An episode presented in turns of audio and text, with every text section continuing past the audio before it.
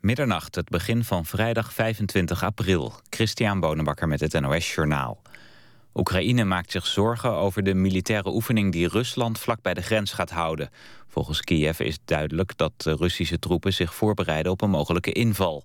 De Oekraïnse regering heeft Moskou om opheldering gevraagd... en wil binnen 48 uur details krijgen over de oefening. Rusland kondigde de oefening afgelopen middag aan... en zegt ermee te reageren op de escalatie in het oosten van Oekraïne... en op de NAVO-oefeningen in Oost-Europa. Een ruime meerderheid in de Tweede Kamer heeft ingestemd met de hervormingen voor de langdurige zorg. Daarmee is geregeld dat deze zorg vanaf volgend jaar onder de gemeente valt. Ook wordt er op deze manier bezuinigd. De coalitiepartijen sloten vorige week een zorgakkoord met drie oppositiepartijen... waarin is afgesproken dat de bezuiniging van 3 miljard euro iets wordt verzacht. In Pakistan zijn vorig jaar bijna 900 vrouwen vermoord uit eerwraak. Iets minder dan een jaar eerder. Dat zegt de onafhankelijke Mensenrechtencommissie van Pakistan. De daders blijven vaak onbestraft. Als de familie van het slachtoffer de dader vergeeft, gaat hij vrij uit. En bij eerwraak is de dader meestal ook een familielid. Schrijver Joost de Vries heeft de belangrijkste literatuurprijzen in Vlaanderen gewonnen. De Gouden Boekenuil. De Nederlander kreeg de prijs voor zijn boek De Republiek. Volgens de jury is het een boek dat inslaat als een bom. De Republiek is de tweede roman van de Vries... die kunstredacteur is bij De Groene Amsterdammer. Aan de Gouden Boekenuil is een bedrag van 25.000 euro verbonden en een kunstwerk. In de halve finales van de Europa League heeft Benfica de eerste wedstrijd gewonnen. De Portugezen wonnen thuis in Lissabon met 2-1 van Juventus. Volgende week is de return in Turijn. De andere halve finale is een Spaanse onderrondje. Sevilla won de eerste wedstrijd thuis met 2-0 van Valencia. En ook die return is volgende week.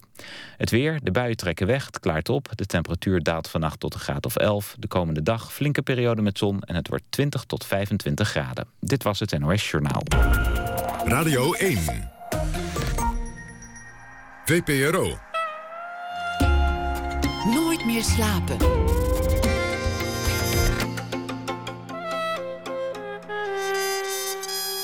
Met Pieter van der Wielen. Goedenacht en welkom bij Nooit meer slapen. Jan van Mersbergen draagt zometeen het verhaal voor dat hij vandaag speciaal voor ons schreef. Dat doet hij elke dag deze week. En dan hebben we ook aandacht na één uur voor de drie officiële statieportretten van koning Willem-Alexander. Die zijn vandaag onthuld. Maar we beginnen met Margje Wittermans. Zij kruipt komende maanden in de huid van haar idool, rocklegende Janis Joplin, voor de voorstelling Janis Piece of My Heart. In 1970, op 27-jarige leeftijd, stierf Janis Joplin na een succesvolle, stormachtige carrière en ze stierf aan te veel drugs, drank en onrust. In de voorstelling Janice, Peace of My Heart, volgen we de Janice in haar laatste periode. Vol drugs, Southern Comfort, seks en rock'n'roll. Margie Wittermans is actrice en zangeres en stamt uit een theaterfamilie. Twee jaar geleden maakte ze met haar vader en broer een spraakmakende voorstelling met de titel Suipkeet. Hartelijk welkom. Hi.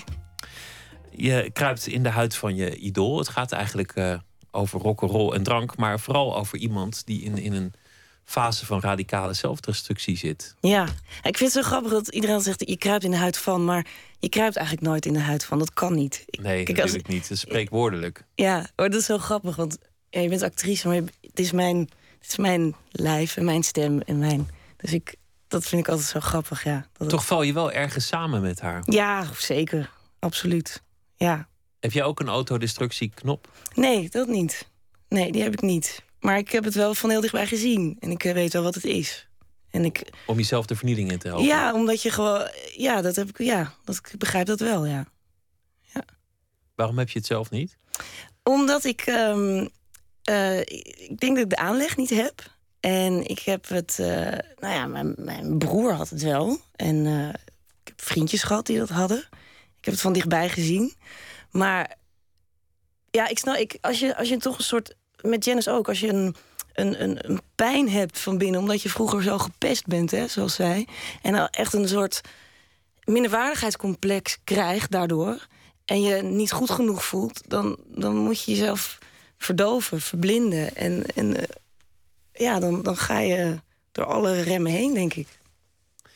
Dat is denk ik waar Janis Joplin uh, de essentie over gaat. Van, ja. van die vrouw, van iemand die zichzelf bevrijd heeft. Ja bevrijd van, van allerlei demonen uit haar jeugd, van een conservatief milieu in Texas, van, van het geloof, van het gepest zijn, van het lelijke eendje zijn, maar die, maar die ze toch niet helemaal van zich af kon werpen, die kwaaie geesten. Ja. En dat is haar dan fataal geworden. Ja, het is echt die pijn. En die hoor je ook in haar muziek. Dat is echt die soul. Die, die, die snijdt door alles heen. Dat, dat, ja, dat is toch. Ja. ja, daar kon ze niet los van komen, nee. Had je vroeger als, als kind posters van Janis Joplin aan je muur? Ja, boven mijn bed. Ik had geen boyband boven mijn bed, maar Janis. Janis Joplin, ja. dat, is, dat, is, wel apart. Ja, ja ik luisterde uh, ja, toen ik jong was ook al echt de platen van mijn vader. Echt uit de 60s, Bob Dylan en de Beatles en dus ook Janis. En toen al raakte die muziek, muziek mij zo diep. En uh, waarom, dat wist ik toen nog niet zo goed. Maar Janis heeft mij, ja, mij door mijn jeugd wel heen gehaald, ja. In Rode gebeurde dat ja, allemaal? Ja. Wat, wat, was er in Rode waar je doorheen uh, moest helpen? Um, nou, als je uit een acteursfamilie komt dan, dan, en je woont in een dorp... dan ben je toch ook al anders. En Janice was in Port Arthur ook... Uh, ja, werd ze ook als anders gezien en bestempeld... en daardoor heel erg gepest. En ik ben ook gepest omdat je inderdaad... ja, je wijkt af van de, van de, van de meute. En dat mag niet. Of je, was, je, bent, je was artistiek. Ja, je was artistiek, creatief. En uh, ik zei alles wat ik dacht. Dan uh, waren mijn ouders naar een oude avond geweest. En dan zei ze, ja, we hebben nou zo'n raar meisje in de klas. Die zegt alles wat ze denkt. En ik denk, ja, dat is toch goed? Of nou, zei, ja, dat is toch goed? Maar nee, je moet wel je gedragen zoals iedereen. En daarin in, uh, lijk ik wel op Janice, denk ik. Ja. Iemand die zich bevrijd heeft, het heeft afgeworpen, ja. uh, die het misschien soms ook overschreeuwt met, met uitbundigheid. Ja. Herken je dat? Ja, ook wel. Ja, ook wel. Ja, die losbandigheid kan ik ook hebben. Laten we het over Janis zelf hebben, voor, voor we wat uh, meer over jou te weten komen. Janis Joplin heeft vrij laat, nou ja, dat, dat, is, dat is natuurlijk heel gek als je op je 27ste uh, bent gestorven, wat, wat is Ja. er dan nog laat. Maar desalniettemin heeft het even geduurd voordat ze zichzelf vond. Muzikaal als artiest. Ja. Voordat, er is een soort moment in haar leven geweest dat ze zichzelf artistiek vond, maar ook zichzelf bevrijdde van alles. Ja. We- Weet jij wat dat voor moment was? Nou, ik weet wel dat ze toen ze 18 was, heeft zich, eh, eh, moest weg uit Port Arthur en is naar San Francisco gegaan. En daar kwam ze in aanraking met de blues. En toen heeft ze meegezongen in zo'n zo'n avond, zo'n open bak. En, eh, en ineens had ze zoiets van: what the fuck? Die blues en die soul. Dat, ze werd gewoon een ander iemand. Ze transformeerde letterlijk. Ze op het podium. Ja, en wat dan precies het moment is geweest, dat weet ik niet precies. Maar het is wel zo dat dat zij echt die escape, die, die, die, ja, de taal van de blues, die was helemaal haar eigen. Wat mooi is aan opnames van Janis Joplin is, is dat zij in een, in een trance verkeert als ze op het podium is. Ja. Het krijzen, eh, ze lijkt in een eigen wereld Ja, te zitten waar ze zich ook niet meer uit los kan maken. En, en ze gaat volledig over de top. Ze, ze laat zich echt ja, helemaal gaan. ja. Lukt jou dat als je op het podium staat en Zeker. je zingt het? Ja, ja, zeker. Waarom? Omdat je. Dat is niet het nadoen, maar het gaat erom dat je. Het komt zo van binnenuit. Het gaat zo over de kern. En dat is ook waar de voorstelling, maar waar haar muziek over gaat. Is dat je bij de kern komt, bij je ziel, bij je zo. En dat je nagaat wat je echt wil doen in het leven. Dat je je hart volgt. En dat je, dat je na gaat denken over... ben ik mijn droom aan het leven? Of leef ik wat anderen van me verwachten? Ben ik echt dat aan het doen wat ik wil doen? En door deze voorstelling, die ik samen met Annie van Hoof, mijn regisseuse, maak... willen we dat ook echt ehm, duidelijk maken van... ja, maak wat je moet maken. Leef eh, je pad, volg je pad die jij moet volgen. En, en leef vanuit je hart. Want dat is nu zo nodig, helemaal nu de, ja, eh, de crisis en de kunsten om ten onder te gaan. Moet je echt maken wat je moet maken en anders durven zijn. Juist anders durven zijn. En dat is precies waarom ik me ook kan laten gaan zo op het podium. Omdat het daarover gaat. Het gaat echt zo vanuit binnenin. Je denkt van dit is zo belangrijk. Dat je, dat je niet in die menigte opgaat. Wees anders, wees uniek. Als je een talent hebt of een kracht of een... Maak het nog beter en, en, en blink daarin uit. In plaats van... De mensen willen gewoon als je boven het maaiveld uitkomt... word je gewoon neergehaald. Altijd. Of gepest. Of van, eh, nee, ho, ho, wat ga je doen? Terug. En dat is precies haar muziek. En dat is precies waarom ik op het podium sta. En dat is ook precies waarom ik denk, ja, omdat het vanuit die soul komt, vanuit die ziel, vanuit zo, vanuit die diepe krochten van. Wauw, dit moet eruit. Let it all out. Dat zegt ze ook. Gooi die eruit, die emoties. En lig je dan de volgende ochtend, als je die voorstelling hebt gedaan, lig je dan ook kuchend in je, in je bed, omdat dat je je te veel hebt gegeven met je stem? Of? Nee, dat niet. Omdat ik, ik, ik heb een, ben drie jaar lang, uh, of drie jaar geleden ben ik begonnen hiermee. En ik wist van ja, als ik dit ga doen, dan moet ik stemtechnisch dit wel aankunnen. Want dit kan je niet zomaar doen. En ik heb een uh, stemcoach, Babs Verhoeven, heeft mij heel erg geholpen om dit, um, ja, om te coachen, om dit te kunnen. En dat is gewoon echt een techniek wat je ja, wat, wat ik als zangeres en actrice natuurlijk wel moet hebben. Want anders kan ik gewoon nooit. Ja, dit is mijn instrument, dus dan kan ik mijn vak niet meer uitoefenen. Kan het zomaar aanzetten of moet je in een soort roes raken? Zou je, zou je nu een Janis Joplin uithaal kunnen doen? Of, of, of lukt dat niet zo in één keer zo? Ja, wil je dat horen? Ja, ja, tuurlijk. Cry, baby. Cry. Cry, baby. Oh, honey, welcome back home. Oh, oh. Zo, nou zie je, het zit, het zit er, het zit er helemaal in. Iedereen is lekker wakker, Ja. daar hou ik wat van. Als, Als je iedereen een voorstelling gewoon... over Janis Joplin maakt, ja, dan, eh, Moet je het ook doen. dan ga je met de billen bloot. We gaan luisteren naar eh, Janis Joplin. Het, eh, het nummer waar, waarvan de, de titel ook gebruikt is voor je voorstelling. Piece of My Heart. Ja.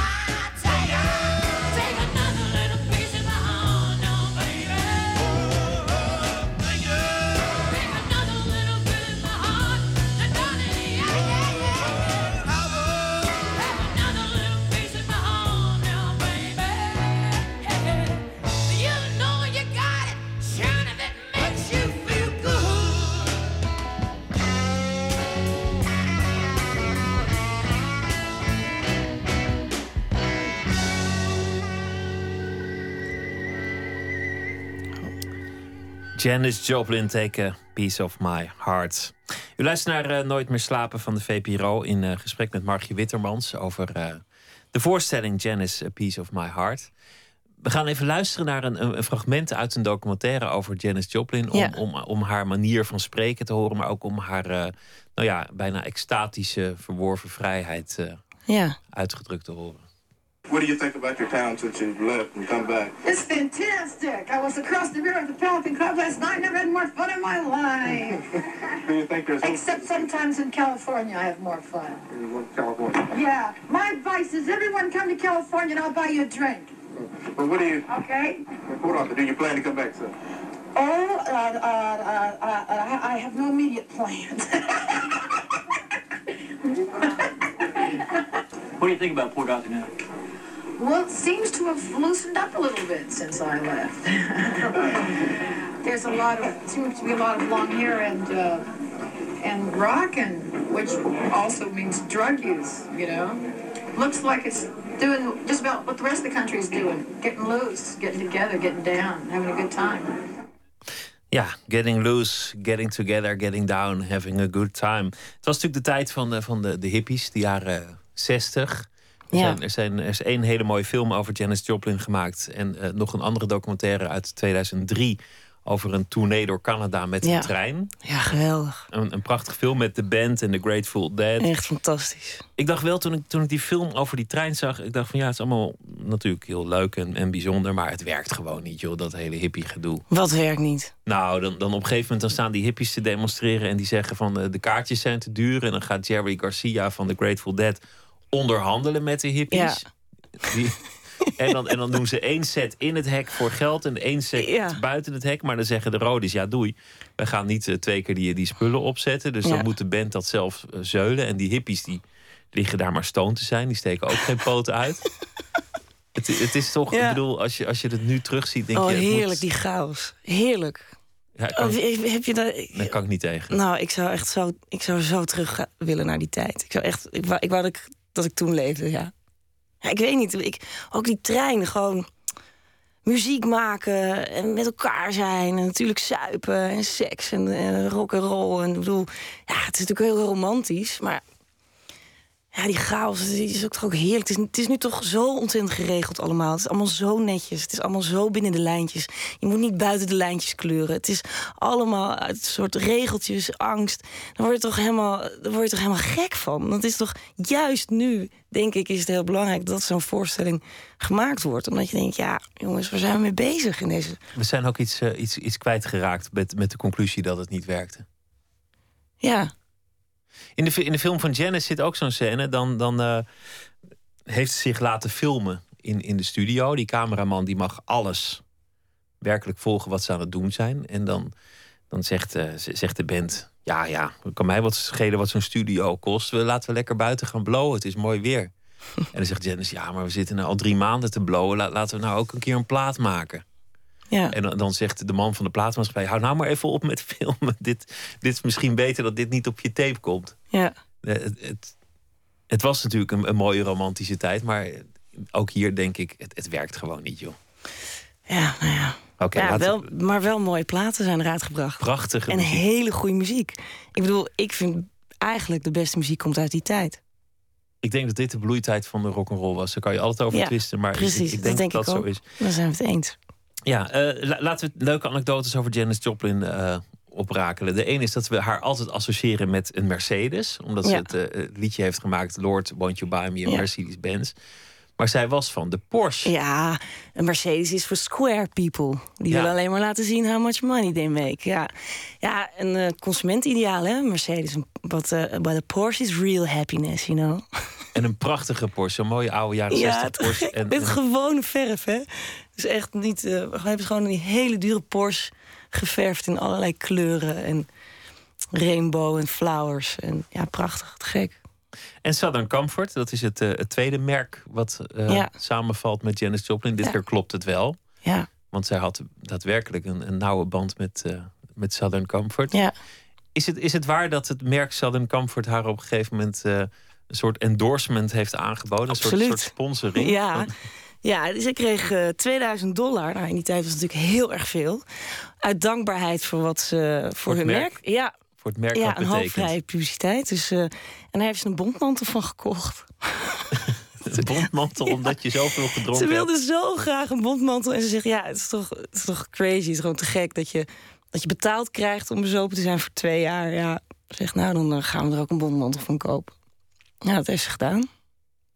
Toch is het eh, ook wel, ik bedoel, die tijd is natuurlijk fantastisch. De tijd van, van de bevrijding en, Ja. en, en buiten de lijntjes, eh, zoals jij het noemt. Maar het is natuurlijk ook tragisch, omdat het een enorm talent was. En iedereen Ja. werkelijk zag aankomen dat het mis zou gaan. Behalve zijzelf waarschijnlijk. En dat ook toen ze stierf, niemand verbaasd was dat Nee. het was gebeurd. Nee. Helemaal Terwijl ze wel heel erg in het leven stond. Ze wilde helemaal niet dood. Het is, echt, het is niet een overdosis geweest aan...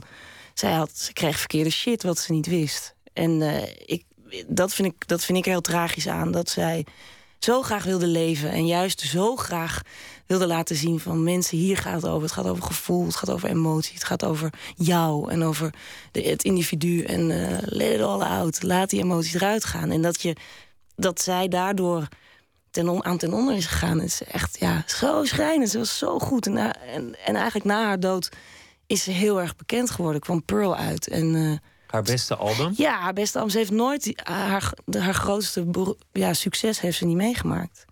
Nee, dat is, dat is echt een, een ontzettend Ja. beroemde plaat geworden. Eh Pearl heeft ze zelf niet meegemaakt. Het is natuurlijk ook in die tijd dat. Nou ja, Jimi Hendrix stierf jong, eh, Ja. Jim Morrison stierf Ja. jong. Er- leek een soort naïviteit in te zitten. Maar waarschijnlijk was het ook dat de platenbondsen en de tourmanagers dachten: nou, geef ze maar wat doop. Dan Ja. klagen ze verder niet. Ja, maar pff, ja, dat is nu toch al nog steeds zo. Nou, ik heb wel de indruk dat een deel van de naïviteit er vanaf is bij, eh, Ik hoop bij, het. bij de muzikanten. ja, en, ja en ik, ik hoop het. Nou, ik, dit, het hoort er nog steeds een soort van bij, maar de, ik, ja.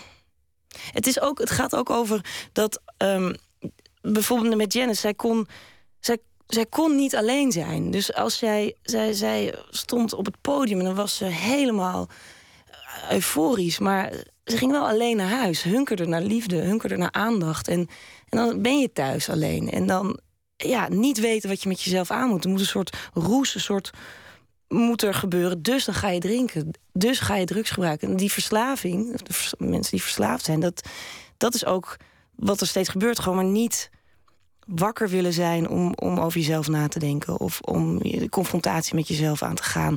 Om, eh, ja, dat, dat, is, dat is de hele heftige kant, vind ik. En ook het tragische eraan, dat je daarin verstrikt raakt.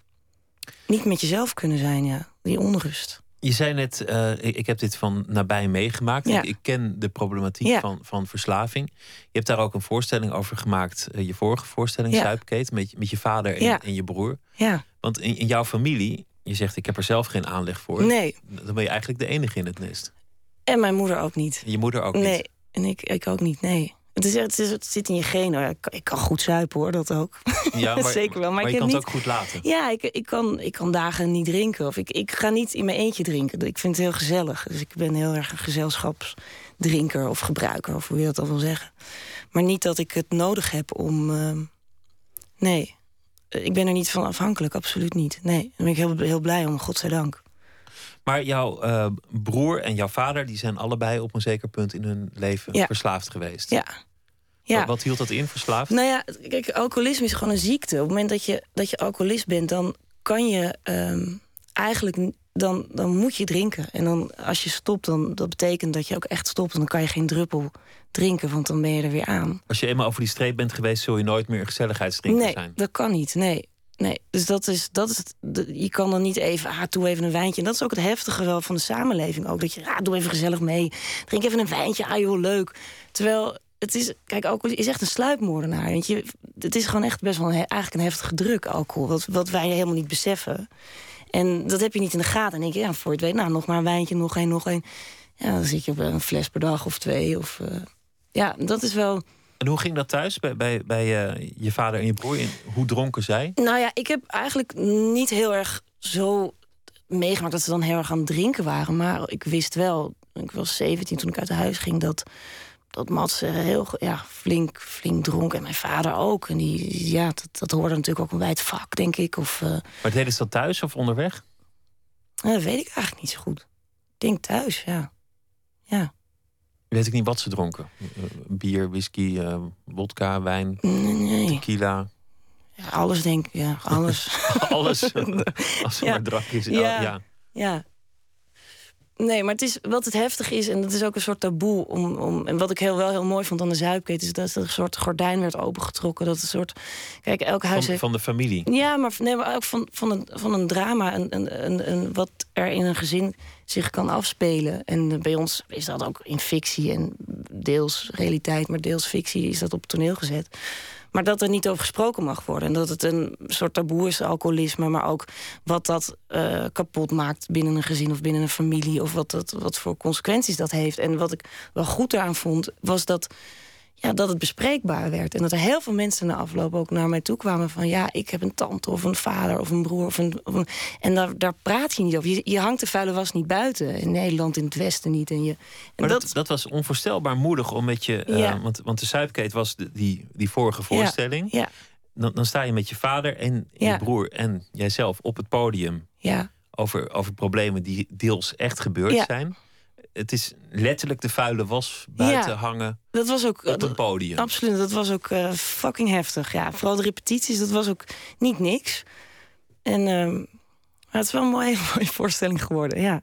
Ja, Wat, wa- wat was jouw rol daarin? En, en klopt, klopte dat ook met hoe het thuis was? Met andere woorden, viel je dan op het podium ook terug in je, in je vaste rol? Nou ja, want we- tuurlijk, want we hadden ja, nou op het podium, maar in de repetities. Je hebt, ja, kijk, als je ga zelf maar met je gezin elke dag oh, in een repetitieruimte staan.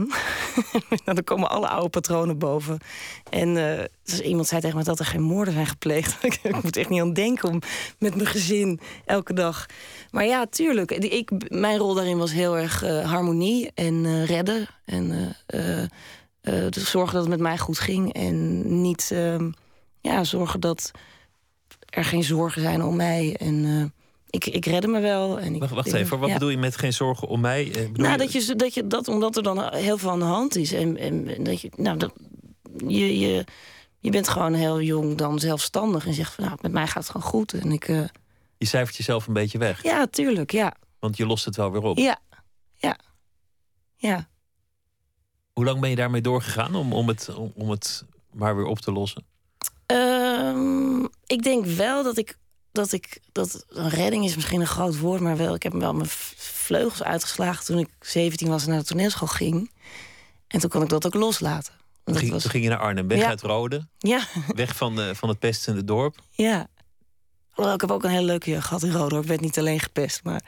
Ja, nee, ja. Ik, ik, ik, ik moest er wel... Ik moest net als Janice ook weg uit, uit, uit, uit dat leven, ja. En zij moest weg uit Port Hart en ik moest daar weg, ja. Om echt bezig te zijn met dat waar je mee bezig wil zijn. Ik wilde spelen. Ik wilde alleen maar spelen. Ik wilde acteren. Ik heb op mijn HAVO, ik, examen, ik had een ontzettend examenvrees. Het werd het zwart voor mijn ogen. En zei die leraar, nee, morgen weet je het weer niet. En ik, ik kon wel leren, maar ik was, ik, ja, ik, ik was niet geschikt voor school eh, eigenlijk. En maar totdat ik auditie deed in Arnhem op toneelschool. En toen, ja, dat was geweldig. En ik werd aangenomen op mijn 17 En ik had mijn HAVO niet gehaald. Maar ik ging wel.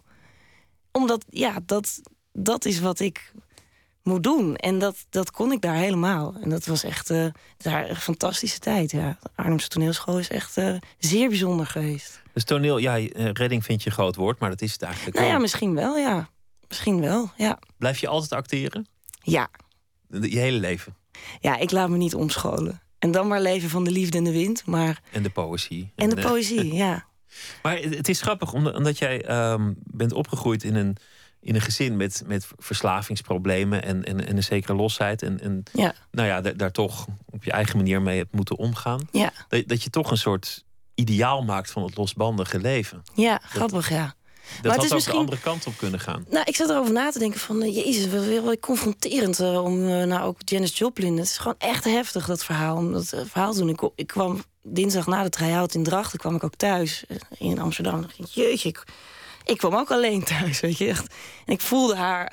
Ja, je speelt de hele tijd die eenzaamheid. En, en, en dat, dat voel ik ook dan op dat moment. En dus, ja, wat is het dan dat ik dit weer door, door moet? En toen dacht ik, ja, misschien is het ook wel een punt. Is het gewoon een, eh, zet ik met deze voorstelling ook wel een punt achter, eh, achter het, de verslaving en het alcoholisme en het, het eh, destructieve van, eh, van de mensen om me heen. Ja, en ik niet. En ik, eh, ik zeg ja. Ik, ik, ik wil in het leven staan en ik zeg ja tegen alles. En, en met Janice te spreken, Get It While You Can, het nummer gaat over als de liefde voorbij komt, pak hem dan ook. Als er iemand voorbij komt en die geeft je liefde en die geeft je warmte, neem het dan aan. Loesje, ook een mooie. Van als, de, als, de, als de liefde aanklopt, doe, je, doe wel open. En dat is ook wat ik in die voorstelling echt zeg. Ook met het nummer van... Ja, daar gaat het om. Da, dat, dat is het belangrijkste. Dat je dat niet voorbij laat gaan. Ja. Dat je het niet voorbij laat gaan. Ja.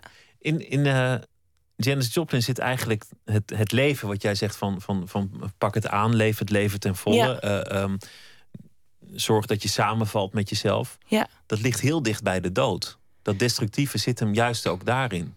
Is dat zo, Pieter? Ik denk dat dat heel dicht bij elkaar ligt eigenlijk. Ten, ten volle leven en, en eh, over de rand flikkeren. Dat gaat makkelijk samen. Ja, en ik, eh, dat is ook zo, dat klopt, omdat dat heb je heel veel gezien. En toch doe ik het ook, maar de dood is voor mij heel ver weg. Snap je wat ik bedoel?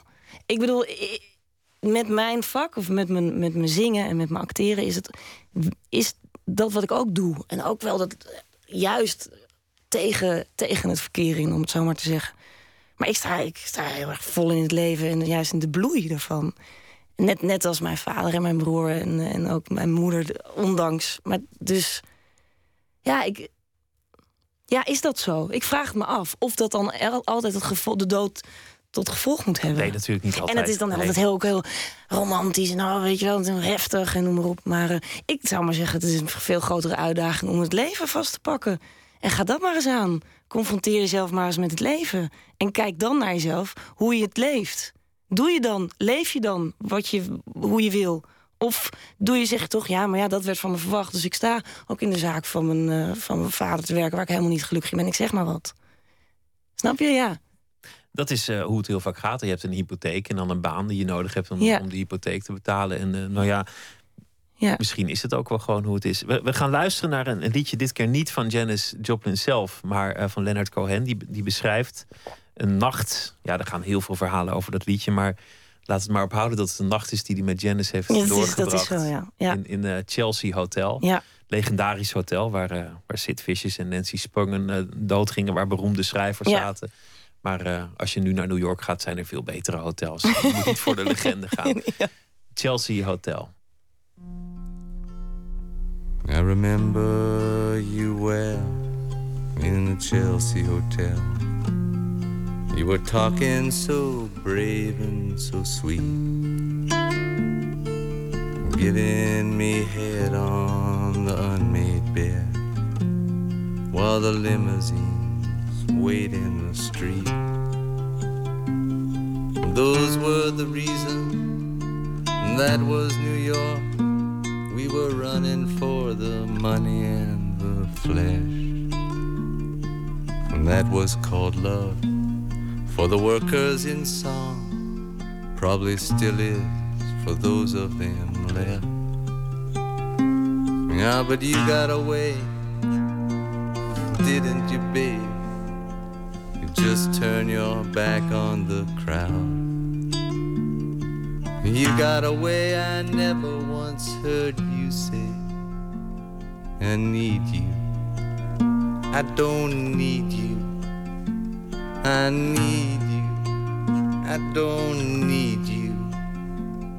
And all of that jiving around.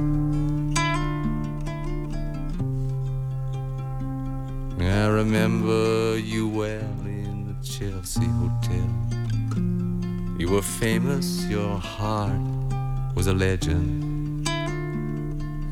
Told me again you preferred handsome men, but for me you would make an exception.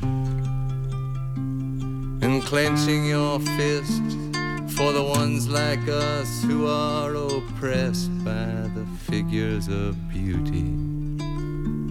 You fixed yourself you said, Well, never mind. We are ugly, but we have the music. And then you got away, didn't you, baby? You just turned your back on the crowd. You got away, I never once heard you say, I need you. I don't need you. I need you. I don't need you. And all of that jiving around.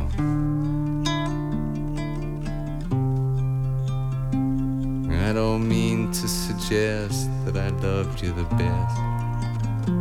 I can't keep track of each fallen robin. I remember you well in the Chelsea Hotel. That's all, I don't even think of you that often. Leonard Cohen, de Chelsea Hotel, over uh, Janis Joplin. U luistert naar Nooit meer slapen in gesprek met Margje Wittermans. Die uh, speelt Janis Joplin in een uh, voorstelling die op heel veel plekken te zien gaat zijn komende zomer. Ik heb de repetitie mogen bijwonen. Was, was een, een, merkwaardige gebeurtenis in, in een hotel waar dan ja, ja, wat, wat, mensen die bij de productie betrokken zijn zaten. En, en dan ik en, en een redacteur in een heel klein zaaltje. Maar jij gaf jezelf volledig. daar, daar, heb je geen, uh, geen grote zaal voor nodig. Dat, dat uh... en en daar, daar zag ik eigenlijk ook een soort overeenkomst met Janis Joplin. Iemand die op het toneel zichzelf helemaal geeft, volledig. Ja. En ook de gewoonte heeft, en dat, dat zie je eigenlijk ook niet vaak, om iedereen in het publiek recht in de ogen te kijken. Ja. Is, is dat iets wat je bewust doet? Nadenken over nu moet ik iemand in de ogen kijken? Nee, dat gaat niet bewust. Dat is heel gevoelsmatig eigenlijk. ja, dat, wat ook heel eng is. Ik bedoel, het is, het, is, het is ook de vorm van het stuk... Waarin, waarin ik heel veel contact maak met het publiek. En nu met jullie. En dat was dus inderdaad in, gewoon in de TL-licht. En uh, niks met geen theater. Wat ook heel spannend voor mij was. Want het was zo dichterop. En heel kwetsbaar. Maar ook heel bijzonder ook. Omdat jullie zaten daar ook zo open. En uh, nee, dat gaat, dat, dat gaat heel onbewust eigenlijk. Ja. ja, maar ik kijk je echt aan. Ja, ik ga er niet omheen. Nee. Maar je, je kijkt, uh, heb ik me laten vertellen, altijd het publiek aan. Het, jij geeft jezelf altijd helemaal. Het is alsof jij op, op het podium jezelf volledig blootgeeft in iedere voorstelling. Alsof ja. je ook al je energie, ja. al je energie op is na afloop. Nou, meestal... In dit geval lig je ook even dood. Dat, dat, hoort, dat staat in het scenario. Maar... Ja, nee, ja, ik ben, ik, ik, ben, ik krijg er altijd heel veel energie van. Dus het genereert ook heel veel energie. En het is ook door, door zoveel te geven op de juiste momenten. Je moet het wel kanaliseren, maar. En dat is gewoon de techniek die je hebt, die ik ook geleerd heb, ook op toneelschool, dat je dat kanaliseert. Maar um, ja, het ligt, het is echt zo, mijn hart ligt zo op het toneel. Het is zo, ja, ik, ik vind het belangrijk dat als je iets te vertellen hebt of een verhaal wil vertellen, dat je dat moet doen. En dat het op een hele goede manier, een geloofwaardige manier en een eerlijke manier, een pure manier gebeurt. En dat, dat hoop ik heel erg. En daar hoef ik niet zo heel veel mijn best voor te doen, want ik kan ook niet anders. Ik, ik ga niet iets nadoen. Ik, ik probeer het echt vanuit de kern, vanuit een, een puurheid te doen. En is, het, is te omschrijven wat, wat de schoonheid is van, van het spelen? Wat het, wat het mooie is dan op het podium staan? ik, ik, ik zat er laatst over te denken en ik was ook in gesprek en dat ik dacht, ja, wat is dat? Waarom voel ik me zo veilig op het toneel? Terwijl er toch zoveel mensen naar je zitten te kijken. En, en in mijn eigen leven ben je dan wankeler. Eh, weet je, net als bij Janice, die ook gewoon zich zo veel zekerder voelde op het toneel. Toen dacht ik, ja, op het toneel weet ik gewoon wat ik moet doen. Ik repeteer gewoon zeven weken aan een stuk. En ik weet van A tot Z wat ik moet doen. Ik heb die tekst geleerd en ik heb de controle. En, en, en in mijn eigen leven heb je dat niet. Dan, ja, dan, leef je op het moment of probeer je in het moment te zijn. En, uh, en, en dat, is, dat is heel eng en veel spannender. En ik, ik weet niet, ik, ik was natuurlijk als kind, ging, dan hadden, hadden mijn ouders geen oppas. En dan ging ik mee naar alle theaters. En dan stond ik in de coulissen te kijken. En dan rook je die zweet en, dat, en die kostuums. En dacht ik alleen maar, ja, dat wil ik ook. Want, want, daar is het natuurlijk vandaan gekomen, van je vader en je, en je broer. Tuurlijk, terwijl mijn vader zei, oh, word dierenarts. Want het is een verschrikkelijk leven eigenlijk, een, het leven van een artiest en het toneel. Het is hartstikke moeilijk en dat is het ook. En dat wist ik ook. Want, ja, er zijn tijden, dan hadden we het goed, maar er waren tijden, hadden we het minder. En, maar het gaat stromen daar. En, eh, en dat, dat is met Janice ook. Ja, dat valt wel heel erg samen. Het, ja, dan, dan stroomt het. Ik moet, ja, moet daar zijn of zo.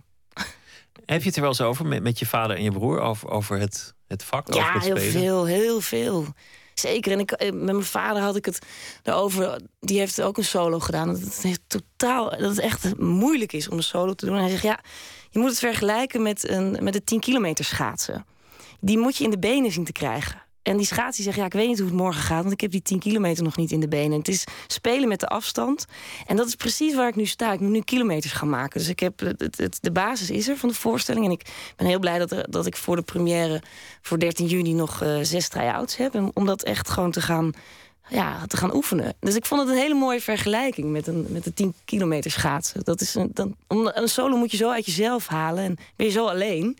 Ik weet niet ook wat cabaretiers meemaken. Zeg, Ja. jeetje, de tering. Gisteren, gisteren was hier Jan-Jaap van der Oh, Wal eh, leuk, ja. eh, te gast. En die, die zei, ja, ik heb wel eens gewoon een zaal uit mijn handen laten kletteren. En soms ook best wel een, een grote zaal. Dat ik voelde, ik ben ze kwijt. Ja, dat is jezus, ja. Is dat jou wel eens gebeurd? Nou ja, het is echt nieuw dat ik nu zo voor het eerst zo alleen op het podium sta. En- de eerste try-out ging eigenlijk eh, wonderschoon wel goed. En die waren van A tot Z muisstil. Ik dacht eerst, vinden ze het wel leuk. En, maar die wa- waren er helemaal in. En eh, daarnaast staan de ovaties. Dus ik heb het nog niet meegemaakt. En ik hoop het ook niet mee hoeven te maken. Maar het, ja, ik kan me voorstellen dat het gebeurt, ja. Je zei net, ik wil een punt zetten achter, ehm, achter een periode met Ja. deze voorstelling. Of, of ik ben Ja. gaandeweg erachter gekomen dat, dat dat is wat ik aan het Ja. doen ben. Wil dat ook zeggen dat, dat, een, dat een voorstelling bijna een soort therapeutisch voor je is? Ja, dat is het toch wel. En zeggen, dat klinkt dat heel vies en die is dan heel allergisch voor. En, en ik ook hoor. Bedoel, je moet geen therapie bedrijven op het toneel. En dat, maar toch, als je, je raakt iets aan. En als ik, en helemaal als je een voorstelling over Janis Joplin gaat maken, ja, dan moet je met de billen bloot. En dat doe ik ook. En dan raak, dan raak je iets. En eh, dat, natuurlijk is dat wel therapie. Dat werkt door. Ook, ook als, je, als je uit een repetitielokaal komt. Ja. Hoe, hoe werkt dat dan? Want, want je leest gewoon een tekst. Die Ja. staat op een blaadje. Ja. Je, je volgt een aanwijzing van een regisseur. Nou, Waar- waarom zou dat therapie zijn? Nou ja, het gaat om wat staat er? Wat, wat, eh, wat is hiermee bedoeld? Wat, wa- waarom staat het er? En dan, zeg, is, dan ga ik bij mezelf na.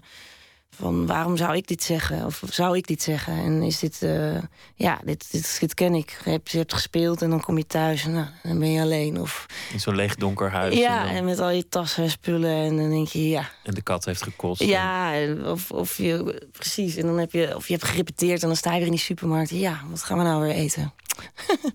nou ja, zo, snap je? Dit is, dit is dan een beetje. Het is gewoon het leven, toch? Nee, dat is wel het leven, maar.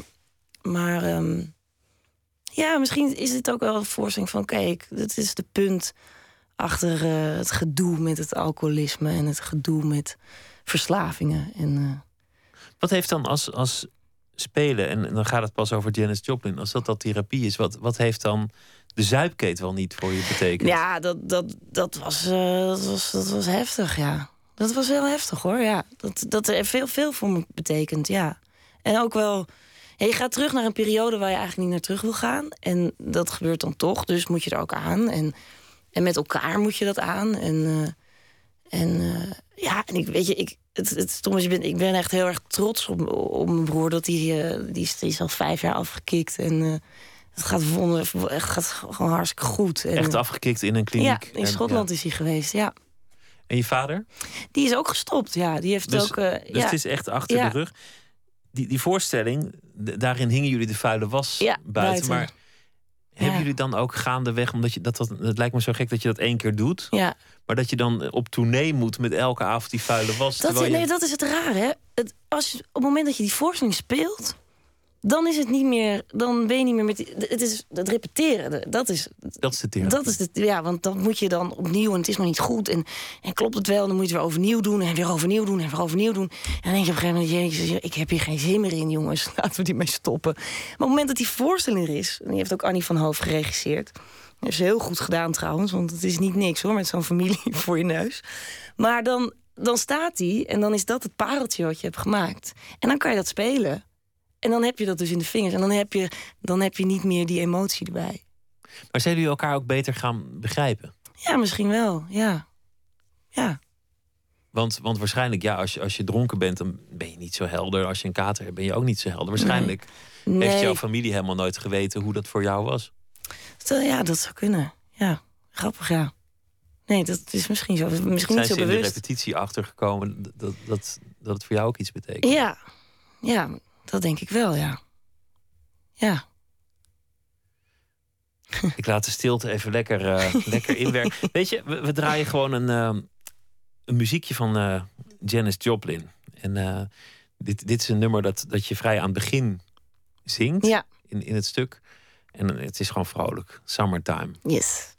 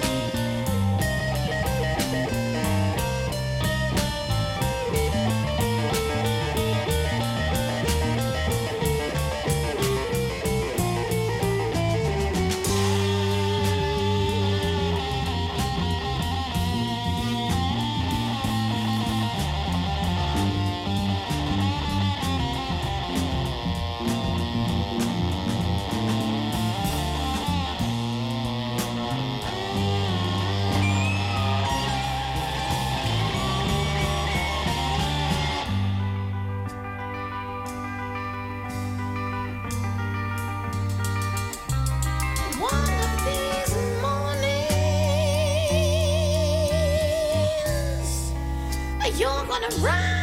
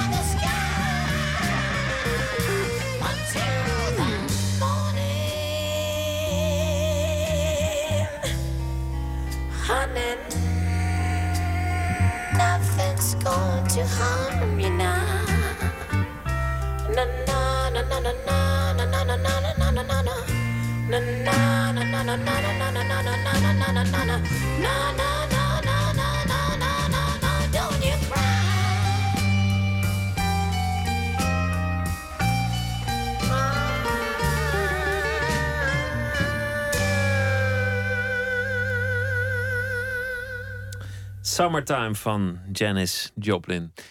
Dus jullie hadden de Zuipkeet eh, gemaakt. Margje Wittermans, voor wie, je voor wie net inschakelt. Over de voorstelling Janis.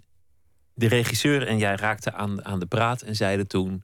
ja, weet je, die, die, die voorstelling moeten we gewoon gaan maken. Dit, dit, Ja, al dit eerder eigenlijk. Ja, we waren al met een voor, voor de Zuipkeet nog. Dat, ze kwam bij mij thuis en zag een poster van Woodstock en Janice. Oh, ze Janice is zo te gek. Ik zeg, Annie, wat? Ben je ook zo fan van Janice? Ja, ik zeg, maar ja, dan... Wacht even, mijn favoriete regisseur is gewoon, heeft gewoon dezelfde hartstocht met die vrouw als ik. Ja, dan moeten we hier een voorstelling over maken. En dat is gebeurd. Ze heeft echt een prachtige tekst geschreven. In één nacht in een soort release.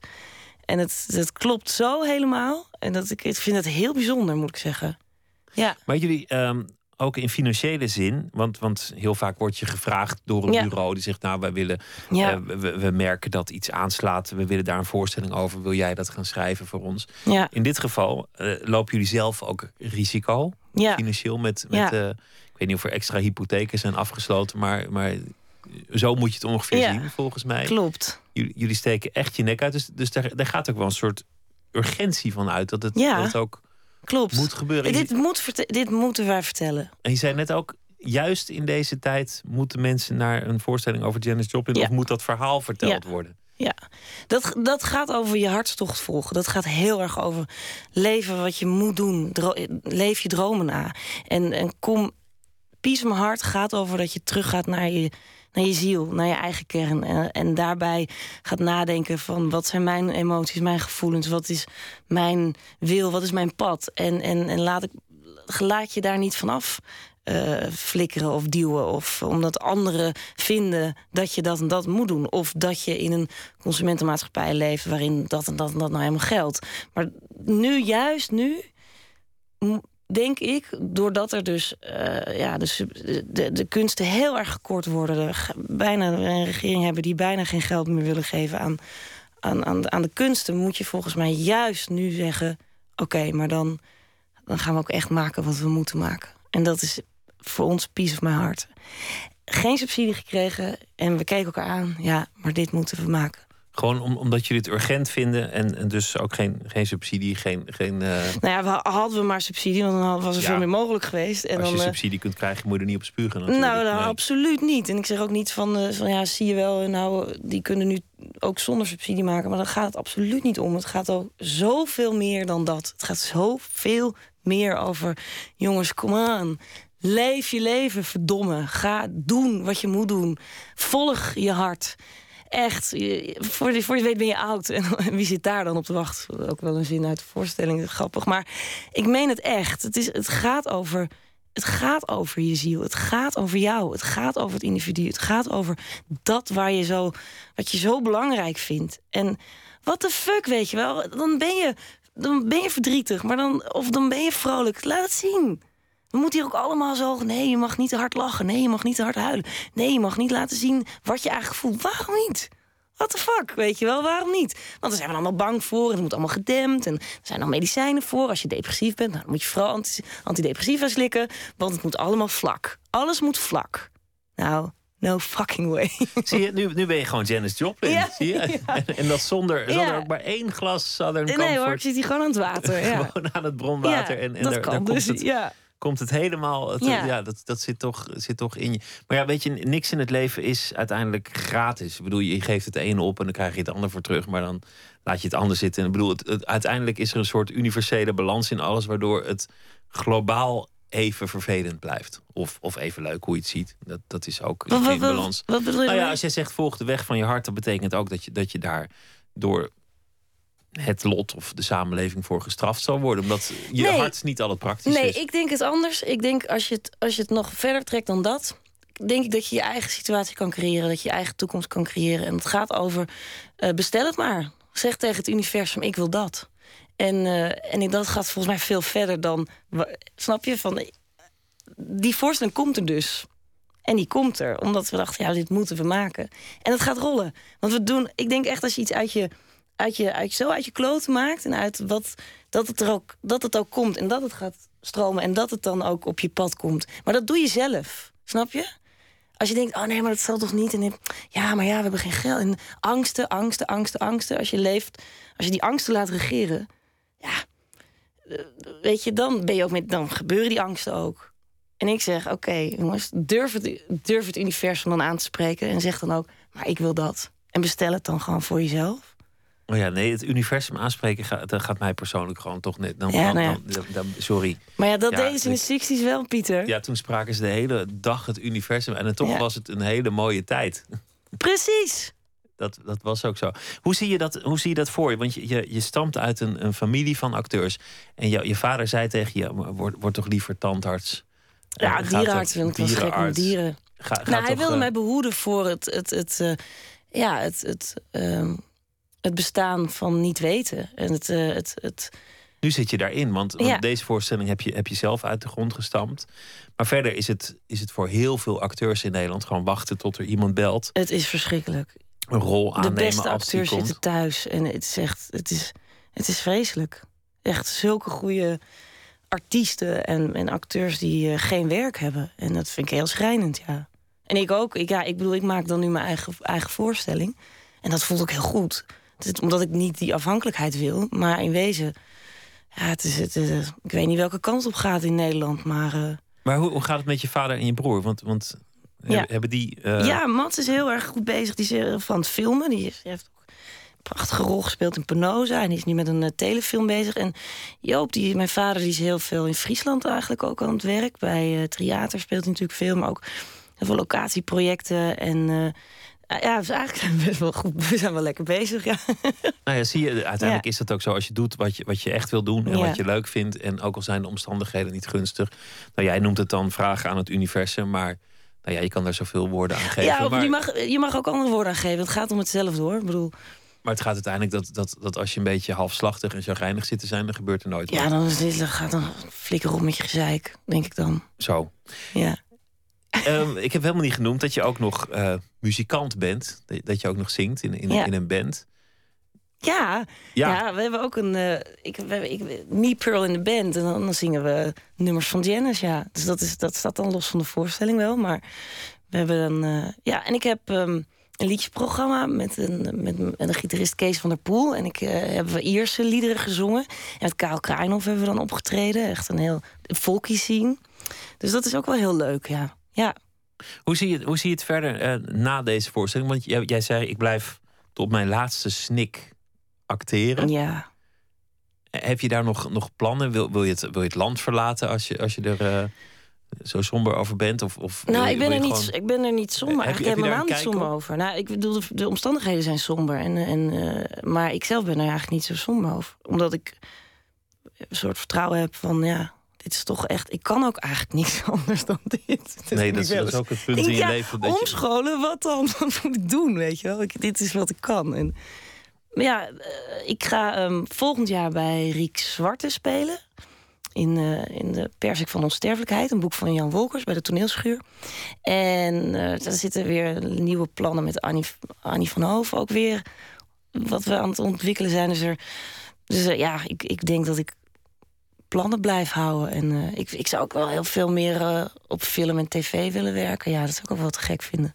nou, er zit, er zit nog eh, genoeg in, in de koker. Ja. En voorlopig op tour met Janice, Piece of My Heart. Ja. Ik zat te denken wie eigenlijk de rechtmatige... of- er ooit een Janice voor in de plaats is gekomen. Ik bedoel, ja, Amy Winehouse qua, qua levensstijl, maar qua zingen... Misschien Steven Tyler van Aerosmith. Die, die heeft Oh ook ja, wel de, de, de strot. Ja, Maar ja, verder ook niet. misschien eh, Anouk in Nederland. Ja, Oh ja. komt ook wel in de buurt. Ik vond het heel leuk dat je eh, te gast wilde zijn. Ja. Dank je wel. En heel veel succes met eh, de voorstelling. Ja. Alles wat je verder gaat eh, doen. Ja. Dank je wel, Margie Wittermans. Ja, en dus iedereen kan op uh, www.peaceofmyheart.nl kijken voor de tour en de première op Oerol. En uh, nou, Parade Amsterdam. En 7, 8 oktober in Bellevue. Dank je wel. Ja, heel graag gedaan. En een uh, Jij goede reis. En Nooit meer slapen gaat zo meteen uh, verder. En dan krijgt u onder andere een verhaal van Jan van Mersbergen. Die schreef elke dag, uh, schrijft elke dag een verhaal voor ons. En die draagt dat zo meteen voor. En we gaan het hebben over de statieportretten van uh, de koning. Want die zijn vandaag uh, onthuld. Dat allemaal straks. Op Twitter, VPRO NMS. Of mailen nooitmeerslapen.vpro.nl Op Radio 1, het nieuws van alle kanten.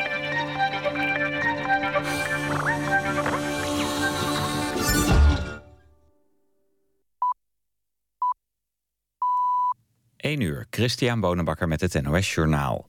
Rusland houdt zich niet aan de afspraken uit het Genève-akkoord. Dat zegt de Amerikaanse minister van Buitenlandse Zaken Kerry. Moskou doet volgens hem vooral zijn best om het democratisch proces in Oekraïne te ondermijnen. Ruim een week geleden werden in Genève afspraken gemaakt tussen Rusland, Oekraïne, de VS en de EU over de-escalatie van het conflict. Als Rusland doorgaat met zijn acties in het oosten van Oekraïne zal dat volgens Kerry een dure fout zijn. De mogelijkheden voor Moskou om de koers te veranderen worden volgens hem steeds beperkter. Oekraïne houdt zich volgens Kerry wel aan de afspraken. Veel zorgtaken zullen vanaf volgend jaar onder de gemeente vallen. Een ruime Kamermeerderheid heeft daarmee ingestemd. Het gaat onder meer om langdurige zorg voor gehandicapten, chronisch zieken en bejaarden. Het kabinet wil met de overheveling ook miljarden bezuinigen. In overleg met enkele oppositiepartijen werden die bezuinigingen vorige week wel iets verzacht. Tegen het voorstel stemden SP, CDA, PVV, GroenLinks, Partij voor de Dieren en 50PLUS. Zij vinden de veranderingen te snel gaan. Schrijver Joost de Vries heeft de belangrijkste literatuurprijs in Vlaanderen gewonnen, de Gouden Boekenuil. De Nederlander kreeg de prijs voor zijn boek De Republiek. Volgens de jury slaat het boek van de Vries in als een bom. Aan de Gouden Boekenuil is een bedrag van 25.000 euro verbonden en een kunstwerk. In de halve finales van de Europa League heeft Benfica de eerste wedstrijd gewonnen. De Portugezen wonnen thuis in Lissabon met 2-1 van Juventus. Volgende week is de return in Turijn. De andere halve finale is een Spaanse onderrondje. Sevilla won de eerste wedstrijd thuis met 2-0 van Valencia. En ook die return is volgende week. Het weer. Geleidelijk wordt het overal droog. Minima vannacht rond 11 graden. De komende dag flinke periode met zon en het wordt warm. 20 tot 25 graden. Op Koningsdag geregeld zon en grotendeels droog. Het wordt dan 17 tot 20 graden. Dit was het NOS Journaal. Radio 1. VPRO. Nooit meer slapen.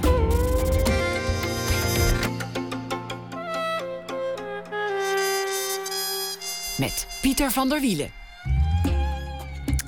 U luistert naar Nooit meer slapen. We beginnen dit uur met de schrijver die elke dag reageert op iets dat er in de wereld is gebeurd of in zijn leven.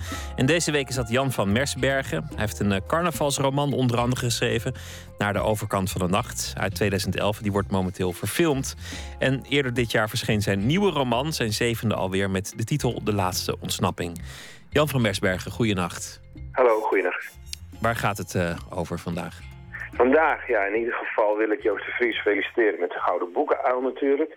Dat is aardig. Uh, als reactie op, het, op wat ik net hoorde in het nieuws. Ik had het vanavond op Twitter zo natuurlijk al gezien. Want dan zijn er duizend mensen die dat me allemaal melden. Dat vind ik altijd heel aardig. Die, die melden, melden dat Joost de Vries die Ja. prijs heeft gewonnen. Ja, Ja, dat, dat wordt, het Twitter wordt daardoor een soort van teletext. Maar dan door iedereen verteld. Dat is altijd een heel raar fenomeen is dat. Ja maar het is hem gegund. Ik heb, hem ik, heb gegund, hem, eh, ik heb het nog niet gelezen. Ik heb er goede verhalen over gehoord over het boek. En eh, ik, eh, nou, ja, leuk voor Joost. Ja, zeker. Ik, heb vandaag een stukje over het, over het schrijven zelf. En over hoe, hoe ik dat eigenlijk op mijn website doe. Ik, ik doe nu deze week bij jullie iedere dag een, eh, een stuk wat bijna hetzelfde, hetzelfde omvang heeft... dan wat ik dagelijks op mijn website eh, schrijf. En daar gaat dit, dit stukje over. Ga je gang. Ik krijg af en toe de vraag voorgelegd of het niet moeilijk is iedere dag zo'n stukje schrijven. Of het niet veel tijd kost en of het geen druk geeft. En nu is voor mij de basis van het schrijven het schrijven zelf. Dus gewoon iets maken of iets vertellen. Een stukje tekst, een verhaal of een roman desnoods. En die stukjes op mijn site bedienen iedere dag een publiek. En voor mij zijn die stukjes vooral een oefening in associatie. Ik heb een mapje in mijn computer met ruim duizend afbeeldingen. Dat mapje dat open ik en dan scroll ik doorheen. En dan stop ik met mijn ogen dicht zomaar ergens. En dat plaatje is dan de basis. Bijvoorbeeld het naambord op de dijk van mijn Brabantse dorpje... waar ik vroeger woonde waar ik iedere dag langs fietste, langs dat bord... en waar mooi weer altijd sto- stond. Een jongen met het syndroom van Down die tegen iedereen die passeerde zei... mooi weer. Want bij slecht weer, dan stond hij daar niet. En verderop was het oude arbeidsbureau waar ik ramen in de kelder maakte ooit met een drillboor die zwaar was. Het trilde de, de hele dag. En achter dat huis is een wiel. Dat is een soort dijkmeertje. En daar zwommen meerkoetjes en eenden. En als het warm was, dan aten we ons brood aan het water. Met een glas melk. En die beelden die komen vanzelf, ingegeven door dat plaatje, dat naambord. Laatst vroeg een VMBO-leerling of ik wel eens een writersblok had. En ik vertelde haar van een en vroeg haar of, of zij iets voor me had. Plaatje, onderwerp of een beeld. En ze zei, een appel. En ik vertelde haar van de boom waar we vroeger appels jatten. Van de boer die achter ons aankwam. Van een gat in de heg. En ik zag aan haar dat zij het verhaal in haar hoofd zelf afmaakte. Ja, zo, zo gaat het. Het verhaal schrijft zichzelf eigenlijk een beetje ook. Dat is wel de, de bedoeling, dat ik, dat ik beelden, dat, ik, dat er beelden opgeroepen worden en dat die weer in een bepaalde volgorde en in een ritme uh, op papier komen. Waardoor iemand anders die het leest, die er eigenlijk heel ver vanaf staat, ook wel weer zijn eigen verhaal kan maken. Dus het moet ook wel weer ruimte, ruimte, ruimte bieden. Kan alles zomaar het begin van een verhaal zijn eigenlijk? Ja, op zich wel. Een verhaal heeft altijd wel wat meer karakters nodig. Het liefst drie. Omdat twee weer te, te, te één op één is en een derde erbij, dan wordt het meteen weer, weer spannend. Maar het kan wel inderdaad wel een begin zijn van een verhaal. En, en een man, dat is wel weer iets groter. Het gaat toch wel echt om een, een thema. Die laatste roman van me gaat over... Ik wou graag een roman schrijven over vaders en zonen. En, en hoe die verbondenheid is en ook die, die afstand daartussen. En wat daarmee speelt, ja. En dat is, dat is niet een plaatje, dat is zomaar een associatie. Dat is wel echt een... Uh, een groter thema met, met meerdere karakters die je ook moet uh, ontwikkelen. Het is ook gewoon werk uiteindelijk, hè? Het is, het is echt wel hard werken, zo'n boek. En, en zo'n stukje schrijven is, is, is ook wel werk, maar het voelt niet als werk. Het voelt meer als een beetje spelen. En in een roman moet, het, moet je uiteindelijk ook wel op die manier scènes gaan opbouwen. Het komt eigenlijk op hetzelfde neer, ja. Maar alles, alles, alles uh, aan de hand van een groter, een overkoepelend thema. zonder dat het nou in iedere zin zo opvalt. Dankjewel voor, uh, voor deze nacht, uh, Jan van Mersbergen. En morgen krijgen we nog, nog één keer een verhaal van je. Ik ben benieuwd waar je mee komt. Ik wens je voor nu een, een hele goede nacht. Oké, hetzelfde. Graag gedaan. Goedenacht. Vorig jaar overleed de Amerikaanse singer-songwriter Jason Molina. In Nederland werd hij vooral bekend met zijn soloprojecten Songs Ohio en Magnolia Electric Corporation. Hij kampte jarenlang met een slechte gezondheid vanwege de drank. En nu is er een tribute-album verschenen. Een van de liedjes die erop staat is uh, uitgevoerd door Bonnie Prince Billy. En dat heet The Gypsy He Witch.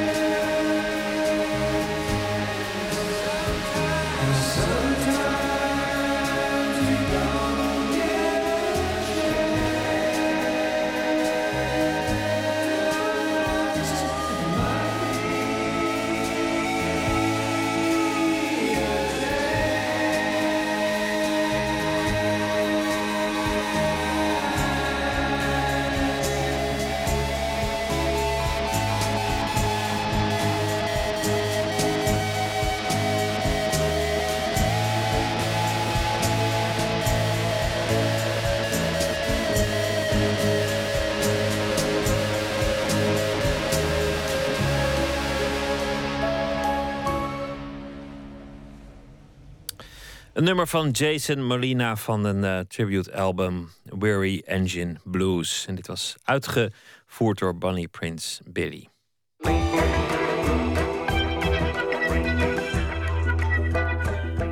U luistert naar de VPRO Nooit meer slapen. Who's Afraid of Red, Yellow and Blue van Barnett Newman. Om verschillende redenen een van de meest omstreden schilderijen van het Stedelijk Museum. Sinds vandaag is het eindelijk weer te zien. Is het nou een mooi rooi, rood achterwandje of een werk om heel erg opgewonden over te doen? Een meesterwerk misschien zelfs. En Nicolaou was erbij toen het gisteren werd opgehangen en sprak vandaag met de eerste bezoekers. Er komt een grote kist eh, binnen. Kunstwerk is het vaak in een speciaal gemaakte kist. En de mannen die rijden hem uh, de zaal op. Speciaal opgeleide mannen? Ja, zeker. Ja, dat zijn arthandlers. Die uh, zijn speciaal daarvoor opgeleid.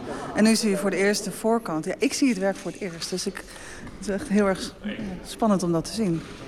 En nu zie je hem nog helemaal ingepakt met plastic en houten schragen ervoor. Maar je ziet al dat hij rood is. Je ziet dat hij heel rood is. Ik zie een randje blauw. Het randje geel zie ik nog niet. Daar zit nog uh, hout voor. Gewijde stilte even. Ja. Dat iedereen bijzonder vindt om hem te zien. Sommigen om hem weer te zien.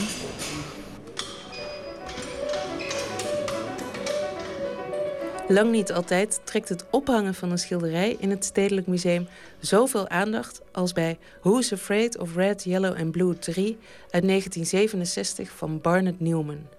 Maar liefst drie fotografen, twee filmploegen en een handjevol schrijvend journalisten kijken toe hoe het meer dan vijf meter lange en voornamelijk knalrode werk wordt binnengereden. Persvoorlichter Marie-José Raven houdt met één oog het verzameld journaille in de gaten en kijkt met het andere toe hoe het schilderij door twee hydraulische liftjes langzaam op de museumvloer wordt geplaatst. Het zit nog in een houten kist omwikkeld met plastic. Ja, dus jij hebt hem nog nooit in het echt ik gezien? Ik heb hem nog nooit gezien. Nee, Annemat, jij ook niet. Ik denk veel mensen niet. Ik denk heel veel mensen niet. Ik denk dat heel veel mensen ook nieuwsgierig zullen zijn van... wat is er met dat doek? Dat ze komen kijken van, nu wil ik wel even zien waar het allemaal om gaat. Op de ochtend van 21 maart 1986 loopt schilder Gerard Jan van Bladeren het Stedelijk Museum in. In zijn zak een Stanley-mes.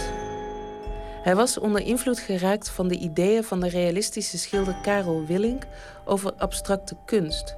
Kunst die alleen chaos zou bevorderen.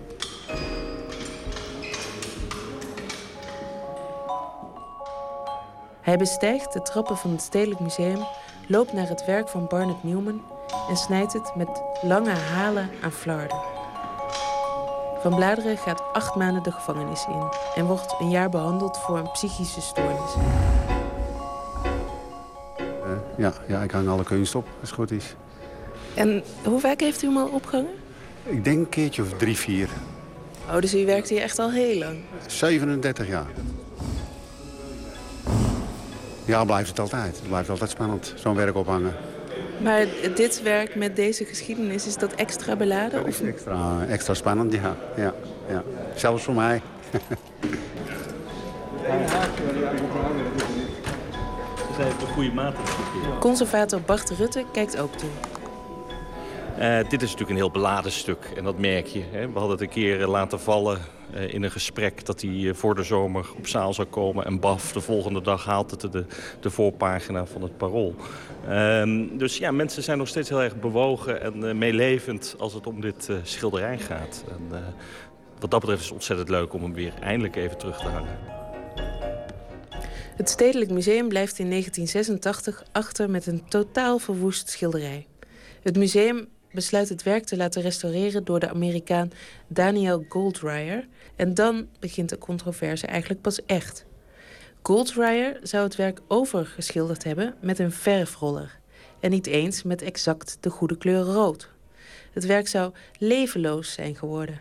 En nu echt voorgoed vernietigd. Er volgen jaren van juridisch getouwtrek tussen de gemeente en de Goldryers. Uiteindelijk schikt de gemeente in 1997.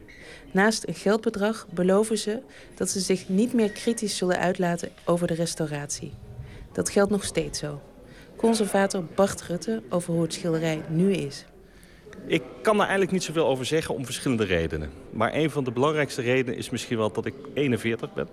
En het oude werk, zoals mensen dat beschrijven in de media, eigenlijk helemaal niet zo goed ken. Ik was toen 15, 16 toen dat gebeurde. Ik moet het denk ik wel gezien hebben, Who's Afraid. Maar ik, ik heb dus niet die uh, enorme beladenheid van uh, het is helemaal anders of het is vernield door de restauratie. Ik kan me daar niet in vereenzelvigen. Het is, als ik het nu zie, nog steeds een ongelooflijk krachtig doek.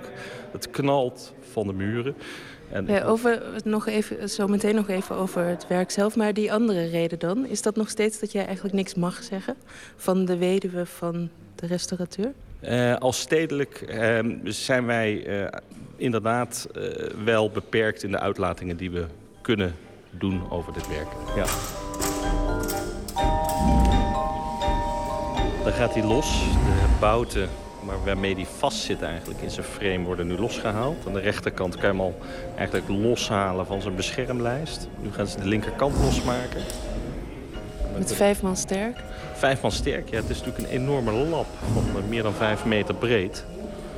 Dus uh, dat vergt wel wat, uh, wat handen bij elkaar en wat coördinatie. Kijk, nou gaat hij aan de andere kant los. Je hoort het boorapparaat de bout losdraaien. Dan kunnen ze me zo uitlichten. Dan zie ik hem eindelijk weer eens zonder beschermlijst. Want als ik hem op depot zag, zat hij natuurlijk ook in zijn beschermlijst. Juist omdat het zo gaat over die compositie, dus ook over zijn relatie tot het witte vlak hierachter, vind ik dit wel een heel mooi moment. Kijk, hij is zo kwetsbaar als je hem zo ziet. Voor de, voor de leek, wat maakt het nou zo bijzonder? Wat ik als anekdote daarop misschien even kan vertellen... is dat wij een try-out hebben gedaan van een educatief programma met kinderen. En wat heel opvallend was, is dat die kracht van dat rood nog steeds heel intimiderend is. Dus kinderen werden boos op het rood, dat het, het geel en het blauw zo weinig plek gaf. Weet je? En dat is natuurlijk ook de, de beladenheid van de kleuren. Het zijn natuurlijk de kleuren van de stijl. Het is een zekere zin een reactie op Mondriaan. En dat maakt dit een ongelooflijk uh, belangrijk doek ook in de ontwikkeling van uh, Barnett Newman. Barnett Newman die eigenlijk op zijn manier abstracte kunst opnieuw uitvond en zich moest gaan verhouden tot een van zijn grootste voorgangers, Piet Mondriaan. Ja. Hij hangt. Hij hangt, ja. Fantastisch. Nee, wat, wat fantastisch is, is om nu eindelijk een keer te zien zonder die uh, beschermlijst. Waarmee je dat geel eindelijk goed kan waarnemen. En dat helemaal naar dat randje is weggeduwd door dat enorme rood. En uh, nou, het blijft een fantastisch doek. Ze kijken nog even of hij recht hangt? Ja, dat is natuurlijk uh, millimeterwerk. Hè? Het zijn allemaal timmermannen, dus die hebben ook allemaal een timmermans oog. Ik denk dat wij nu vooral gewoon toonplek zijn. Een doorgeefluik. Wat wij doen is het werk ophangen.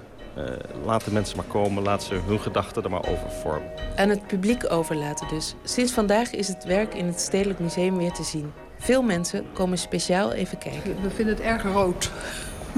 Heel rood. ja. ik, uh, ik ben een groot fan van Barnett Newman. En, uh, en ik heb hier echt op gewacht. Ja, ik heb hier echt twee weken lang op zitten wachten. En ik ben echt vanochtend om tien uur naar het stedelijk gegaan uh, om dit te zien. En het valt absoluut niet tegen. Ik vind het nu wel een erg rood vlak. Ik ben Dion de Zwart. En komt u speciaal voor dit schilderij? Ja, ja. ja. Ik heb er zo, uh, zo lang en vaak over gehoord en gelezen. En vooral natuurlijk de laatste tijd weer. En ik begrijp er helemaal geen malle moer van. Van dit hele verhaal. En vooral het enorme uh, hoeveelheid geld wat ermee uh, gemoeid is. En gemoeid is geweest. En ook met die opknapbeurt, zou ik maar zeggen. Ik vind het een ontzettende vreemde story. En de afgelopen zondag zag ik, zag ik er iets over. En vanmorgen in de krant dat hij dus weer, dat hij weer terug was op zaal. Hier al die tijd in de kelder heeft gestaan. En, maar, uh, U dacht, ik ga meteen even met eigen ogen aanschouwen. Ja, ja. Maar ik zou er niets van, ik zou er niets van kunnen zeggen.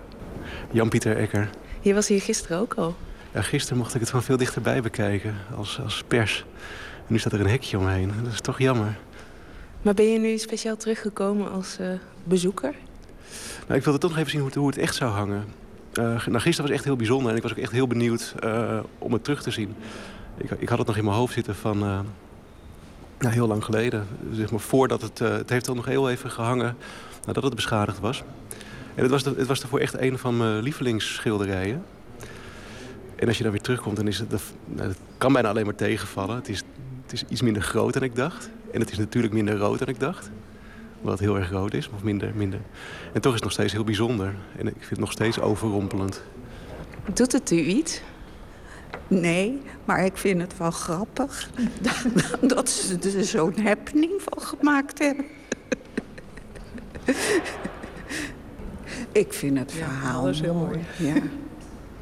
um, nou, ik weet niet zo goed wat ik ervan vind. Ik zit eigenlijk de hele tijd heen en weer te lopen tussen de zaal hiernaast en hier. Want hiernaast dan Cathedra. En, de blauwe, zeg ja, maar? de blauwe. En deze is natuurlijk by far het bekendst. Of tenminste hier in Nederland. Maar ik vind eigenlijk die ander mooier. Want dit is eigenlijk gewoon één egaal rood vlak. En dat, het is wel heel indrukwekkend. Maar ik heb toch meer met de blauwe. Uh, Roxy Hoort. En jij? Fabio Sweet. En hoe oud zijn jullie? Ik ben 19. Ik ook. Ja, ik vind het een prachtig werk. Nog steeds. En uh, het feit dat het zoveel, uh, zo berucht is, dat maakt het alleen maar mooier. Dat maakt het ja? Cool. Ja, dat maakt het echt heel tof. Uh, er staat nu ook een hekje omheen en er staat een bewaker bij. En dat maakt het werk alleen maar groter. Het vult die hele ruimte. En het is, ja, het, het is zo aanvallend. Aanvallend? Ja, ja door dat rood en... en um, ik neem aan dat de historie al verteld is erbij, ja. Uh, dat, dat, ja, dat maakt het zo heftig en belastend. Ja, word jij er ook een beetje agressief van? nee, eigenlijk niet. Nee, ik word er wel um, opgewonden van op een bepaalde manier. Maar niet, niet kwaad, absoluut niet. Ik probeer te zien waar, waar iedereen zo enthousiast over is. En ik zie het ook wel. Alleen die ander doet het voor mij net iets meer. Wat zie je dan wel? Wat begrijp je wel hieraan? De, dat van die primaire kleuren, dat wat hij wilde laten zien. En natuurlijk is dat met behulp van het tekstbordje, want ja, dat, ik ben 15, dat weet ik echt nog niet. Maar ik denk dat als die man nu terug zou komen, dat hij eerder dit aan stukken zal scheuren dan de vorige versie. Als ik zo kijk naar de manier waarop het eerst was geschilderd en de manier waarop nu die hele rode laag erop is gedaan. Dat, dat valt juist totaal niet uit te leggen. En dat, dat, voor mij is dat ook waarom ik telkens weer terugkom. En ook heel erg blij ben dat het er weer hangt. Het, slaat natuurlijk nergens op. Het is een, enorm rood vlak met, met, met, een, met een streepje blauw en een streepje geel. En toch, je kan er bijna in verdrinken. Ik vind het echt... en dat is wel wat ietsje mist. In ieder geval, wat in mijn hoofd meer was, is dat het echt nog meer van de muur afspatte. En hoe lang heb je nu al staan kijken? Ik denk dat het ondertussen wel op 40, 50 minuten zit. In totaal, ja.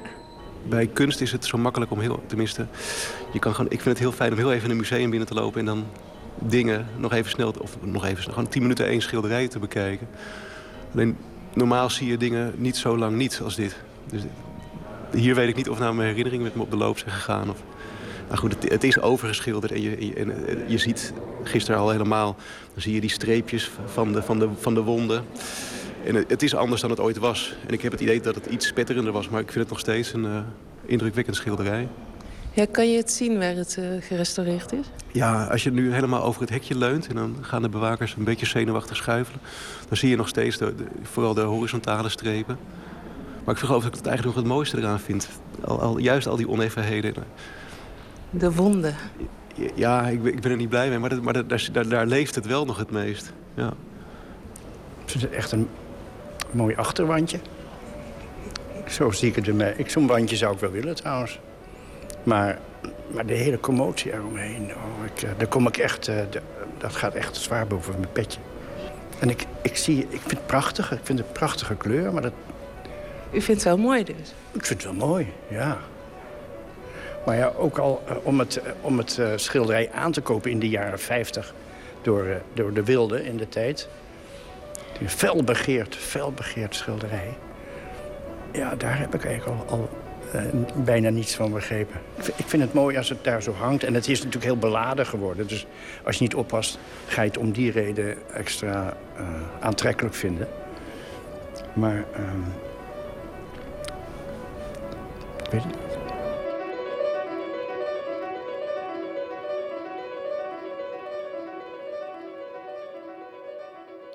De werken van Barnett Newman zijn sinds vandaag te zien in het Stedelijk Museum in Amsterdam. Leoka een Nigeriaans-Amerikaanse dichteres en zangeres. Heeft al drie platen gemaakt. Haar laatste Say Yes Evolved. Daarvan draaien we het nummer Soundtrack to Life. I wanna sing you a new song. I wanna let go of old habits. I wanna show the world how to embrace the day with a soundtrack, with a soundtrack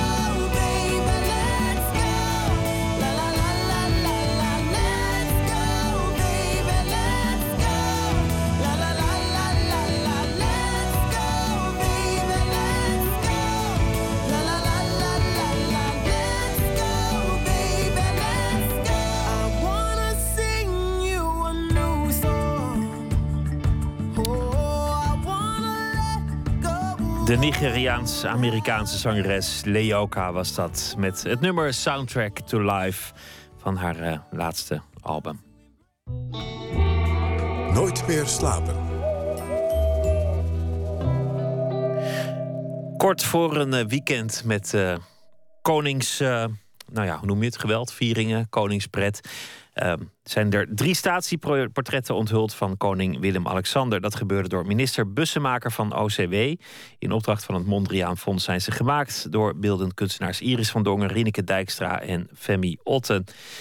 Het zijn eh, mooie portretten geworden. Botte Jellema, onze nachtcorrespondent, wat vind je ervan? Ehm, nou, wat ik ervan vind. Maar ehm, er is nog wel wat kritiek op deze eh, portretten. Dus daar kunnen we het mooi eens eventjes over hebben. Zo. Het waren, waren er eerst, ehm, even over de procedure... wat meer. Er waren zeg maar heel wat kandidaatportretten. en daar werd dan weer een volgende selectie uitgemaakt, et cetera. En dan nu zijn deze eh, uitgeselecteerd. Hoe is dat verlopen?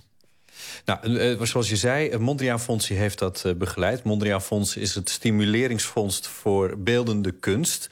En die hadden twaalf gegadigden in eerste instantie. En daar zijn er drie uitgeselecteerd door een jury. Maar die twaalf gegadigden die hebben wel allemaal al geëxposeerd met een schets. En dat heet dus in het Rijksmuseum in Amsterdam.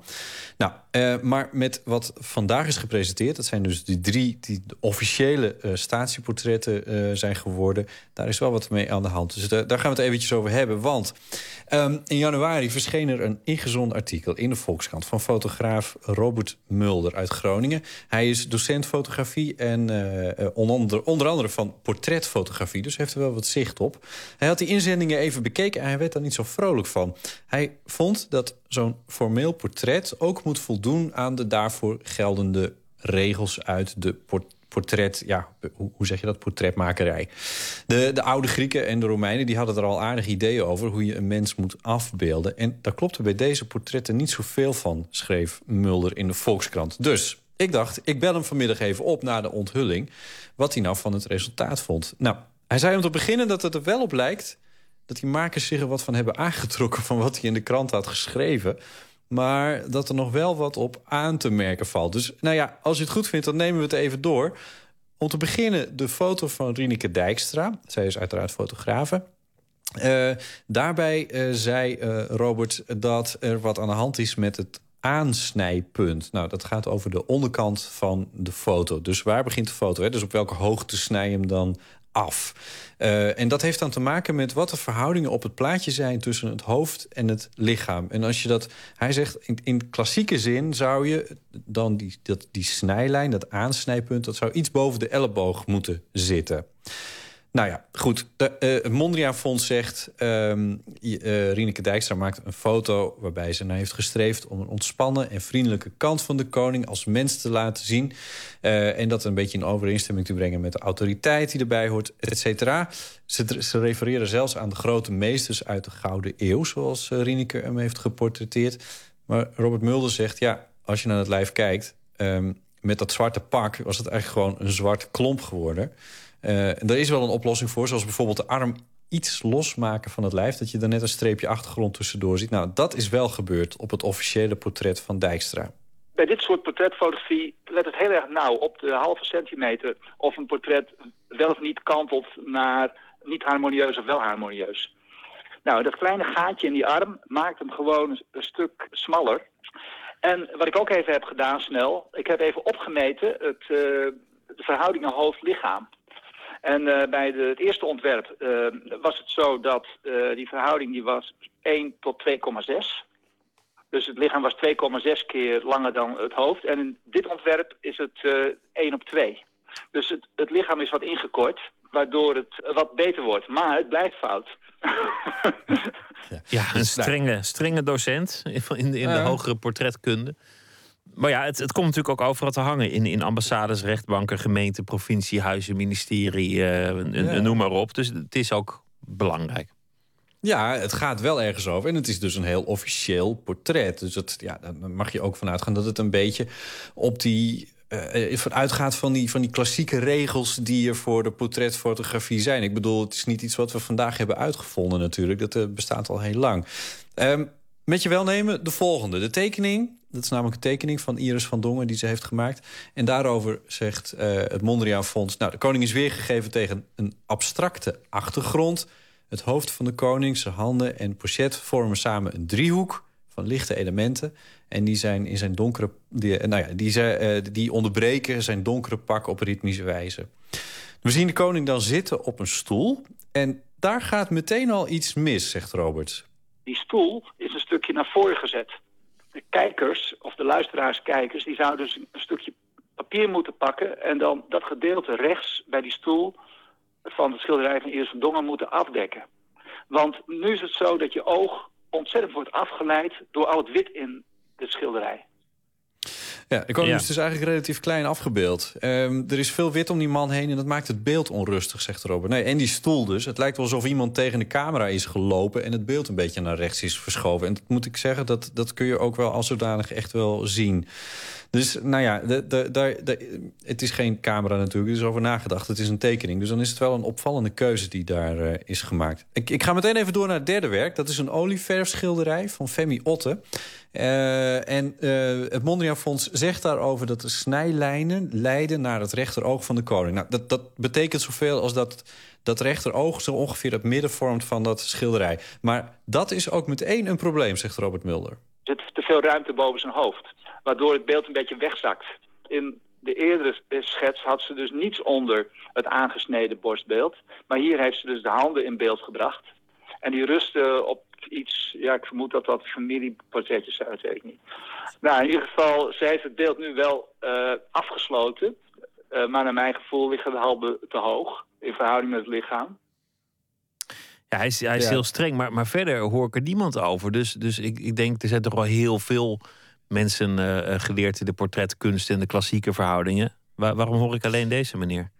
Ja, dat is, dat is wel een interessante kwestie die u opwerpt. Ik eh, heb er ook wel over gehad met een paar eh, deskundigen in, eh, in deze. En die zeggen allemaal ook een klein beetje van... nou, we durven ons er niet helemaal over uit te spreken... want het gaat toch ook over collega's. En het ligt allemaal al zo gevoelig met zo'n koningsportret. dus ehm, ja, als er dan wat mee aan de hand is... dan, dan die negatieve verhalen... die houden ze toch een klein beetje over zichzelf. Ze durven zich gewoon niet zo goed uit te spreken... omdat het over collega's gaat. Maar Robert wel. alle principes in de fotografie die komen voort uit de beeldende kunst. En of het nou schilderkunst of beeldhouwkunst is. En daar liggen eh, bepaalde eh, normen liggen vast. Daar kun je wel van afwijken, maar dan moet je niet een formeel portret maken. En eh, dat wringt hier. Ik kan ik, prima omgaan met een schilderij waar, waar de verhoudingen en dergelijke allemaal niet kloppen. Maar je moet niet een portret willen maken wat voor het hele volk is dan, denk ik.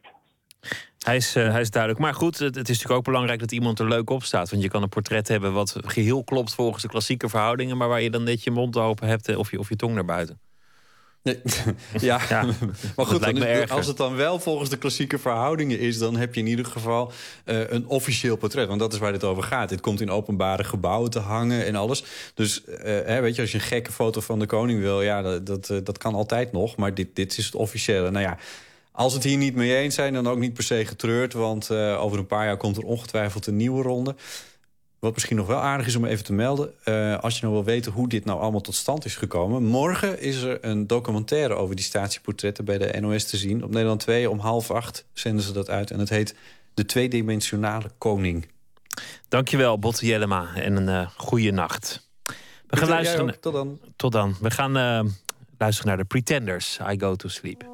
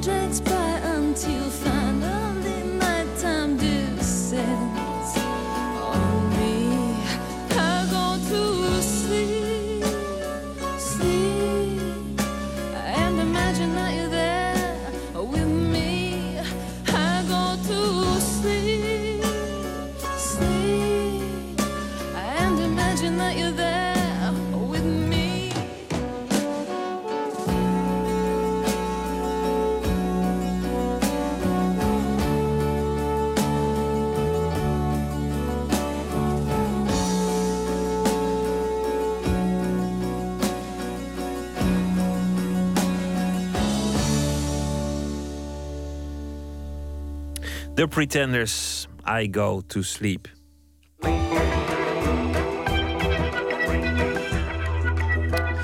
Luister naar de VPRO. Aan het begin van de Gouden Eeuw publiceerde Pirius Winsemius zijn Chroniek van Friesland.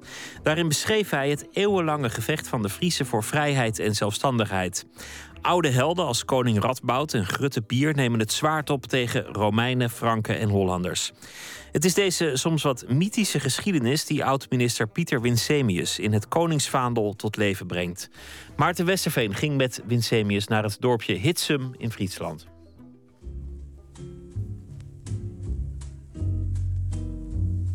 Wij lopen nu naar het Kaatsveld. We zijn niet zomaar hier in dit dorp. We zijn hier omdat dit, dit, is, dit is waar de familie Winsemius vandaan komt. Ja. Ja, het oudste spoor van de familie gaat terug naar eh, 1537. Daar komen we zo meteen iets verder. Eh daar kun je eigenlijk binnen 50 meter aanwijzen waar ze woonden. Wat een heel gekke gedachte is, hè, dat je dat weet. Als je hier naartoe gaat met je kinderen... Nou, als die 20, 25 zijn, dan vinden ze dat nou ja, mooi, eh, om dan mee te gaan. Maar als ze hier komen, dat je weet wat je voorouders hier in 1537 rondliepen... zit iedereen wordt er toch wat onder de indruk van. Kijk nou, dat zit daar best. Goedemorgen. Gaat het goed? Ja hoor, best. Mooi. Hallo. Dat is, mensen groeten elkaar op zo'n kleine dorp. Dat is op alle kleine dorpen trouwens. In de stad groet je niet, in Amsterdam. In een kleiner dorp, ook in de Randstad groet je. Maar hier, dit is gewoon, dit hoor je. Als je hier niet goed dan ben je niet, eh, niet goed bezig. Dat hoort. Dat is toch ook raar? Eigenlijk om het niet te doen. Ja. Uw boek, hoe, ehm, het is een, nee, dat ge- geeft helemaal niets.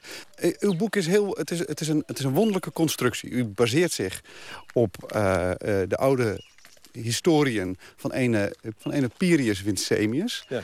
Geen familie blijkbaar, Nee, maar geadopteerd door uw paken. Dat is heel netjes van hem.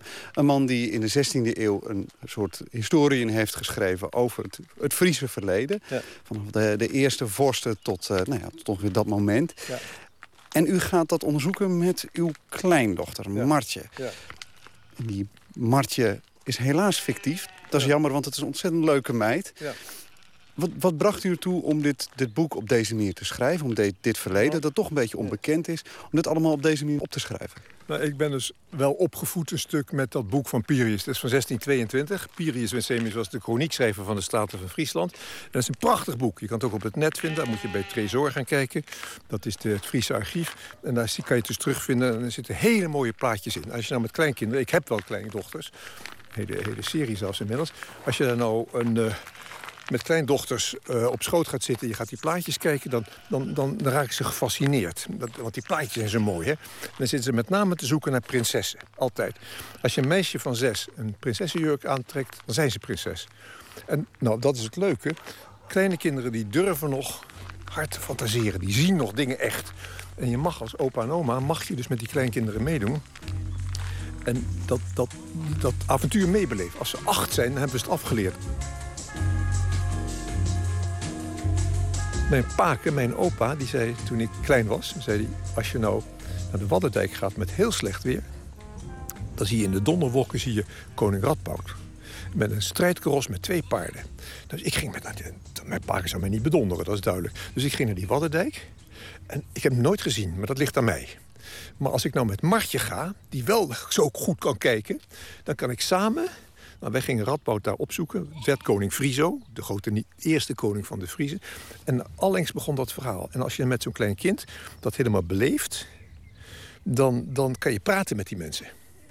En die, dat, dat zelf heb ik dat niet eens. Het bleek later dat er een helemaal hoop mensen precies dezelfde soort gedachten hadden. Zelfs de grote eh, Sartre heeft dit gedaan. Ik bedoel, als die het gedaan heeft, moet het wel waar zijn.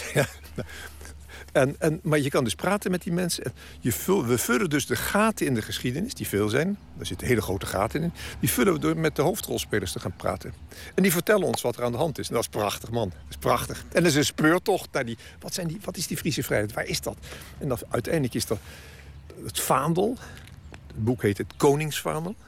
Nou, het Koningsvaandel heeft koning Friso meegenomen. 340 voor Christus. Daar praat je over wat.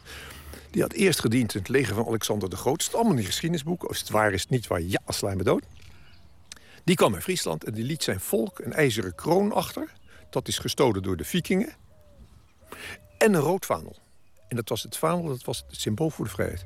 En dat is zoek. En dat gaan wij proberen terug te vinden. En je zal het niet geloven, maar vlakbij hebben, toch het spoor, het laatste spoor gevonden. Raakte bij mij ook een snaar. Want eh, ik, mijn moederskant, net zoals bij u, is, hè, het is één tak van de familie is Fries.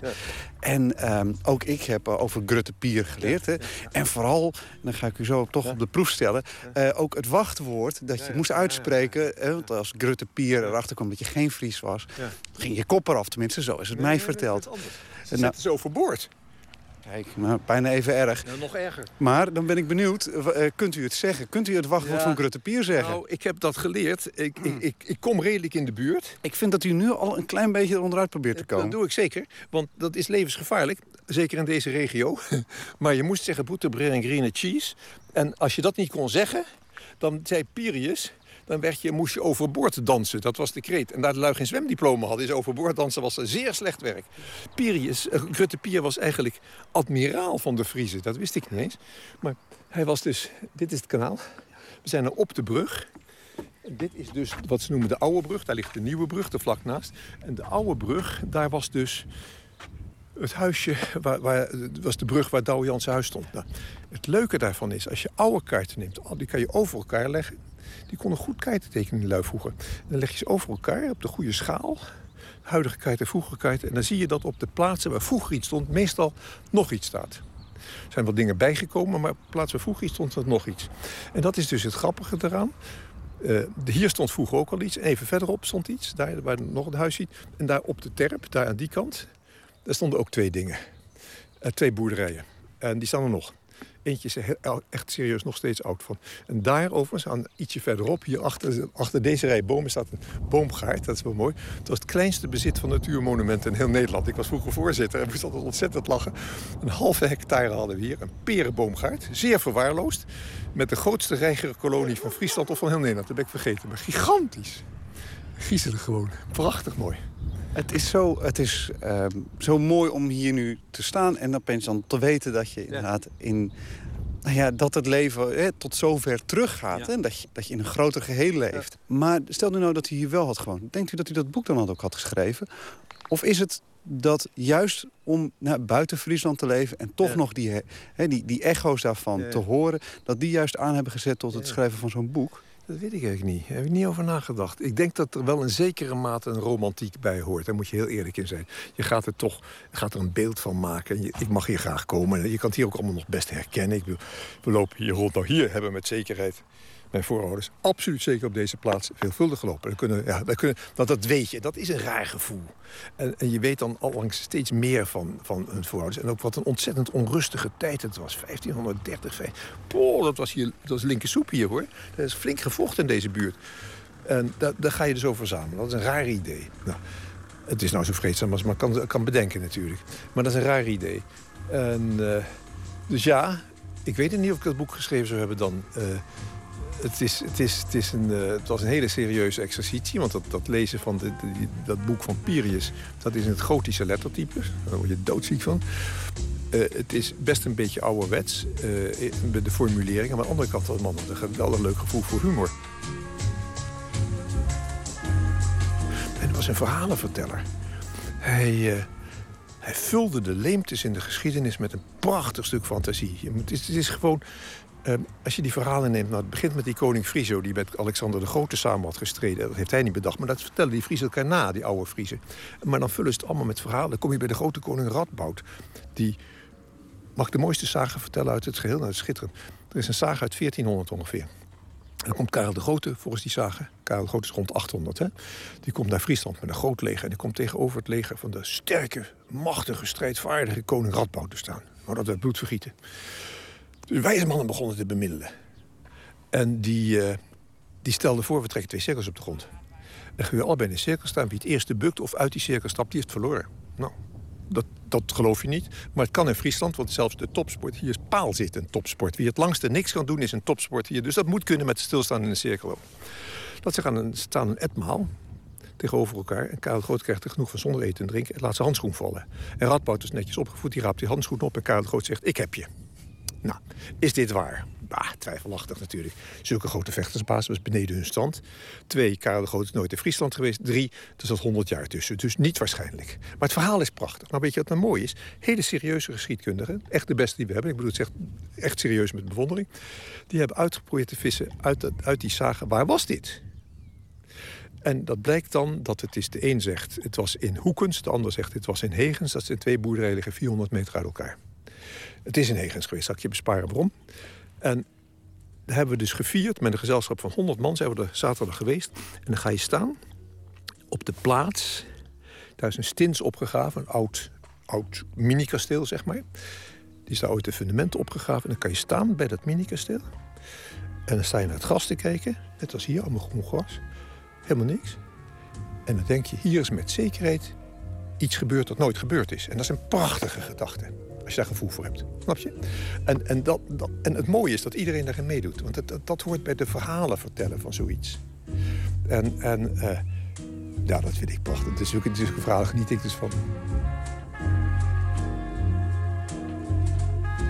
Wat zo mooi ook is inderdaad, in het boek gebeurt dit ook. Op, eh, er gebeuren dingen die niet kunnen gebeuren.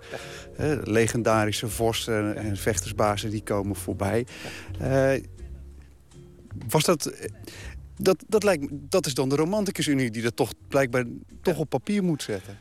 Ja, maar dat, dat, dat heb ik eigenlijk dus voor een groot deel van mijn pa en mijn vader. Mijn vader had een, eh, een klassieke zin. Je moet een goed verhaal nooit om een leugentje bederven. Dat mag. Je mag het verhaal best ietsje aandikken. En mijn pa kon er ook wat van. Mijn pa vertelde over Grutte Piers, klassiek verhaal.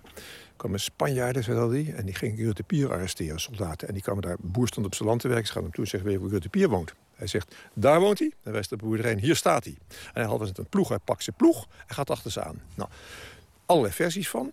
Sommige, volgens sommigen sloeg hij er zes of zeven dood. Maar mijn paken wist het echte verhaal. Die zegt, hij- ze holden naar Leeuwarden toe. Met Grutte Pier met die ploeg achter ze aan. En daarom heet de Spanjaardslaan in Leeuwarden. Dat is de, weg van, de invalsweg van Harlingen. Daarom heet hij nog steeds de Spanjaardslaan. Kijk, dat is waar. Dat bedenk je niet. Nou, en, en dat, dus dat zijn het soort verhalen. Mijn tante was een geweldige, goede boekenschrijfster. Die heeft enorm veel boeken geschreven, prachtige boeken. Dus het zat een beetje in de familie. En je moet dus wel... Ja, het is, het is geschiedenis met een knipoog hier en. Het moet bloedserieus de geschiedenis zijn. Wat je kan controleren, maar je mag invullen. En dan gaat het erop, kan ik in de stemming invullen. Eh, dat doet Pirius ook. Pirius, die, de grote Pirius, die, had, die vertelt verhalen. Dat geloof je niet. Prachtig. Maar dat oog voor waanzinnig soort details had hij. En ja, dat is gewoon enig.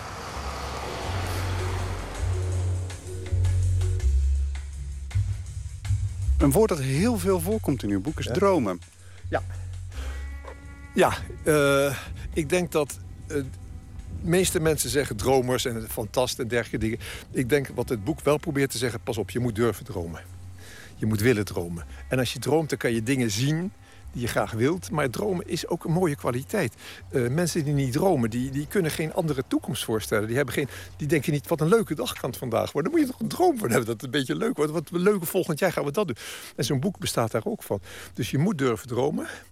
En, en dat vind ik wel een beetje jammer. Je leert die kinderen het vaak af, dan moeten ze reëel zijn. Maar ja, laten we wel wezen, zelfs toen je 14 was... droomde ik nog van het Nederlands voetbal af. En ik haalde het echt van zijn levensdagen niet. Nou, en, en het mooiste meisje van de klas. Ik bedoel, dat soort dingen, dat, daar moet je... Hè, dat zijn, bepaalde dingen zijn goed in het leven. Nou, dus dromen is een kwaliteit, die, dat probeert het wel te benadrukken. Kijk, hier is het overigens, dit is de schaatsbaan.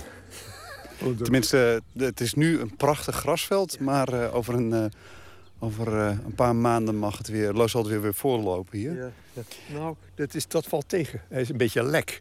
En hij is dus niet helemaal ideaal, de schaatsbaan. Dus de schaats is niet zo gek, hij is ook een beetje klein. Maar we zijn er wel heel trots op in het dorp. Ik heb het, nooit echt, ik heb het één keer met ijs gezien, maar nooit echt dat er gereden werd. Er zit ook geen licht op. Dus dat is wel een handicap. Ehm, die, ehm, op een gegeven moment zegt u het ook in het boek. Noemt u, eh, zegt u, dromen is het... eh, Is het eh, van dromen leer je denken. Ik geloof dat u het zo verwoordt. Ehm, is dat...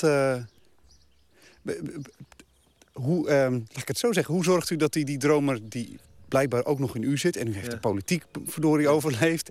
Dus hoe zorgt u dat... hoe heeft u die dromer in uzelf laten overleven? Hoe heeft u die, ehm, Nou, hoe heeft u die behouden? Ik denk dat, dat wat dromen en... Kijk, in, in de politiek bijvoorbeeld moet je een visie hebben. Je moet een bepaald beeld hebben wat de toekomst zou kunnen zijn. En dat, dus ze noemen het ook wel de stip aan de horizon. En dan moet je naartoe kunnen varen. Eh, die Zeeuwen bijvoorbeeld hebben die prachtige zin... ik worstel en ontzwem. Maar als je niet weet waar de kust is, is dat, gaat het mis. Dus je moet altijd ergens weten, waar wil ik naartoe? En daar moet je een droom van hebben. En dat komt dan niet precies zo uit, dat moet je ook niet erg vinden. Eh, maar je moet wel die droom hebben en daar naartoe willen werken. We kunnen het best aan de andere kant gaan denk ik. Je moet er naartoe willen werken. Nou, en, en dus een droom, een, visie, is zeer essentieel. Een tijdje terug kreeg Mark Rutte daarvoor... Uh, dus u weet, op zijn donder, hij had geen visie. En hij vond toen dat je moest... Visie was eigenlijk niet, niet strikt nodig. Nou, ik denk dat hij het anders bedoelde. Je moet geen blauwdruk hebben. Een blauwdruk is dus... Ik ga nou mijn linkerbeen zetten, dan mijn rechterbeen, dan mijn linkerbeen. Dat is een blauwdruk. Dan heb ik het precies uitgebaand. En je moet wel een droom hebben. Ik ga daar naartoe. En dan moet ik een beetje kunnen schuilen hoe ik er kom. En dat probeert dit ook wel wat te schetsen. En daarvoor is, ik heb voor in dat boek schrijf ik, vind ik zelf een hele mooie zin, die is het Fries. Uh, een opdracht. Uh, wat wortels had, had toekomst. Je wortels heeft, heeft toekomst. En de geschiedenis, die geeft je die wortels. Zoals bij mij, hier letterlijk dan. Hè? En maar als je wortels hebt en je weet waar je vandaan komt... dan krijg je ook een beetje het gevoel van waar moet het naartoe. En die Friese vrijheid die is wel een onderdeel van waar we het straks over hadden, die Friese vrijheid is wel een onderdeel van het verleden. Maar hoe hou ik dat levend, dat soort vrijheid? Hoe krijg ik dat vertaald naar iets wat ook nu nog inhoud heeft? Al dus oud-minister Pieter Winsemius over zijn boek Het Koningsvaandel. Morgen na middernacht is uh, Nooit meer slapen er weer. En uh, dan uh, komt Andy Vierens langs, dichter en performer. En dan wordt het gepresenteerd door Anton de Goede. Ik wens u nog een hele goede nacht. En straks op deze zender uh, Astrid de Jong, de nachtzuster. Veel plezier erbij en uh, een goede nacht.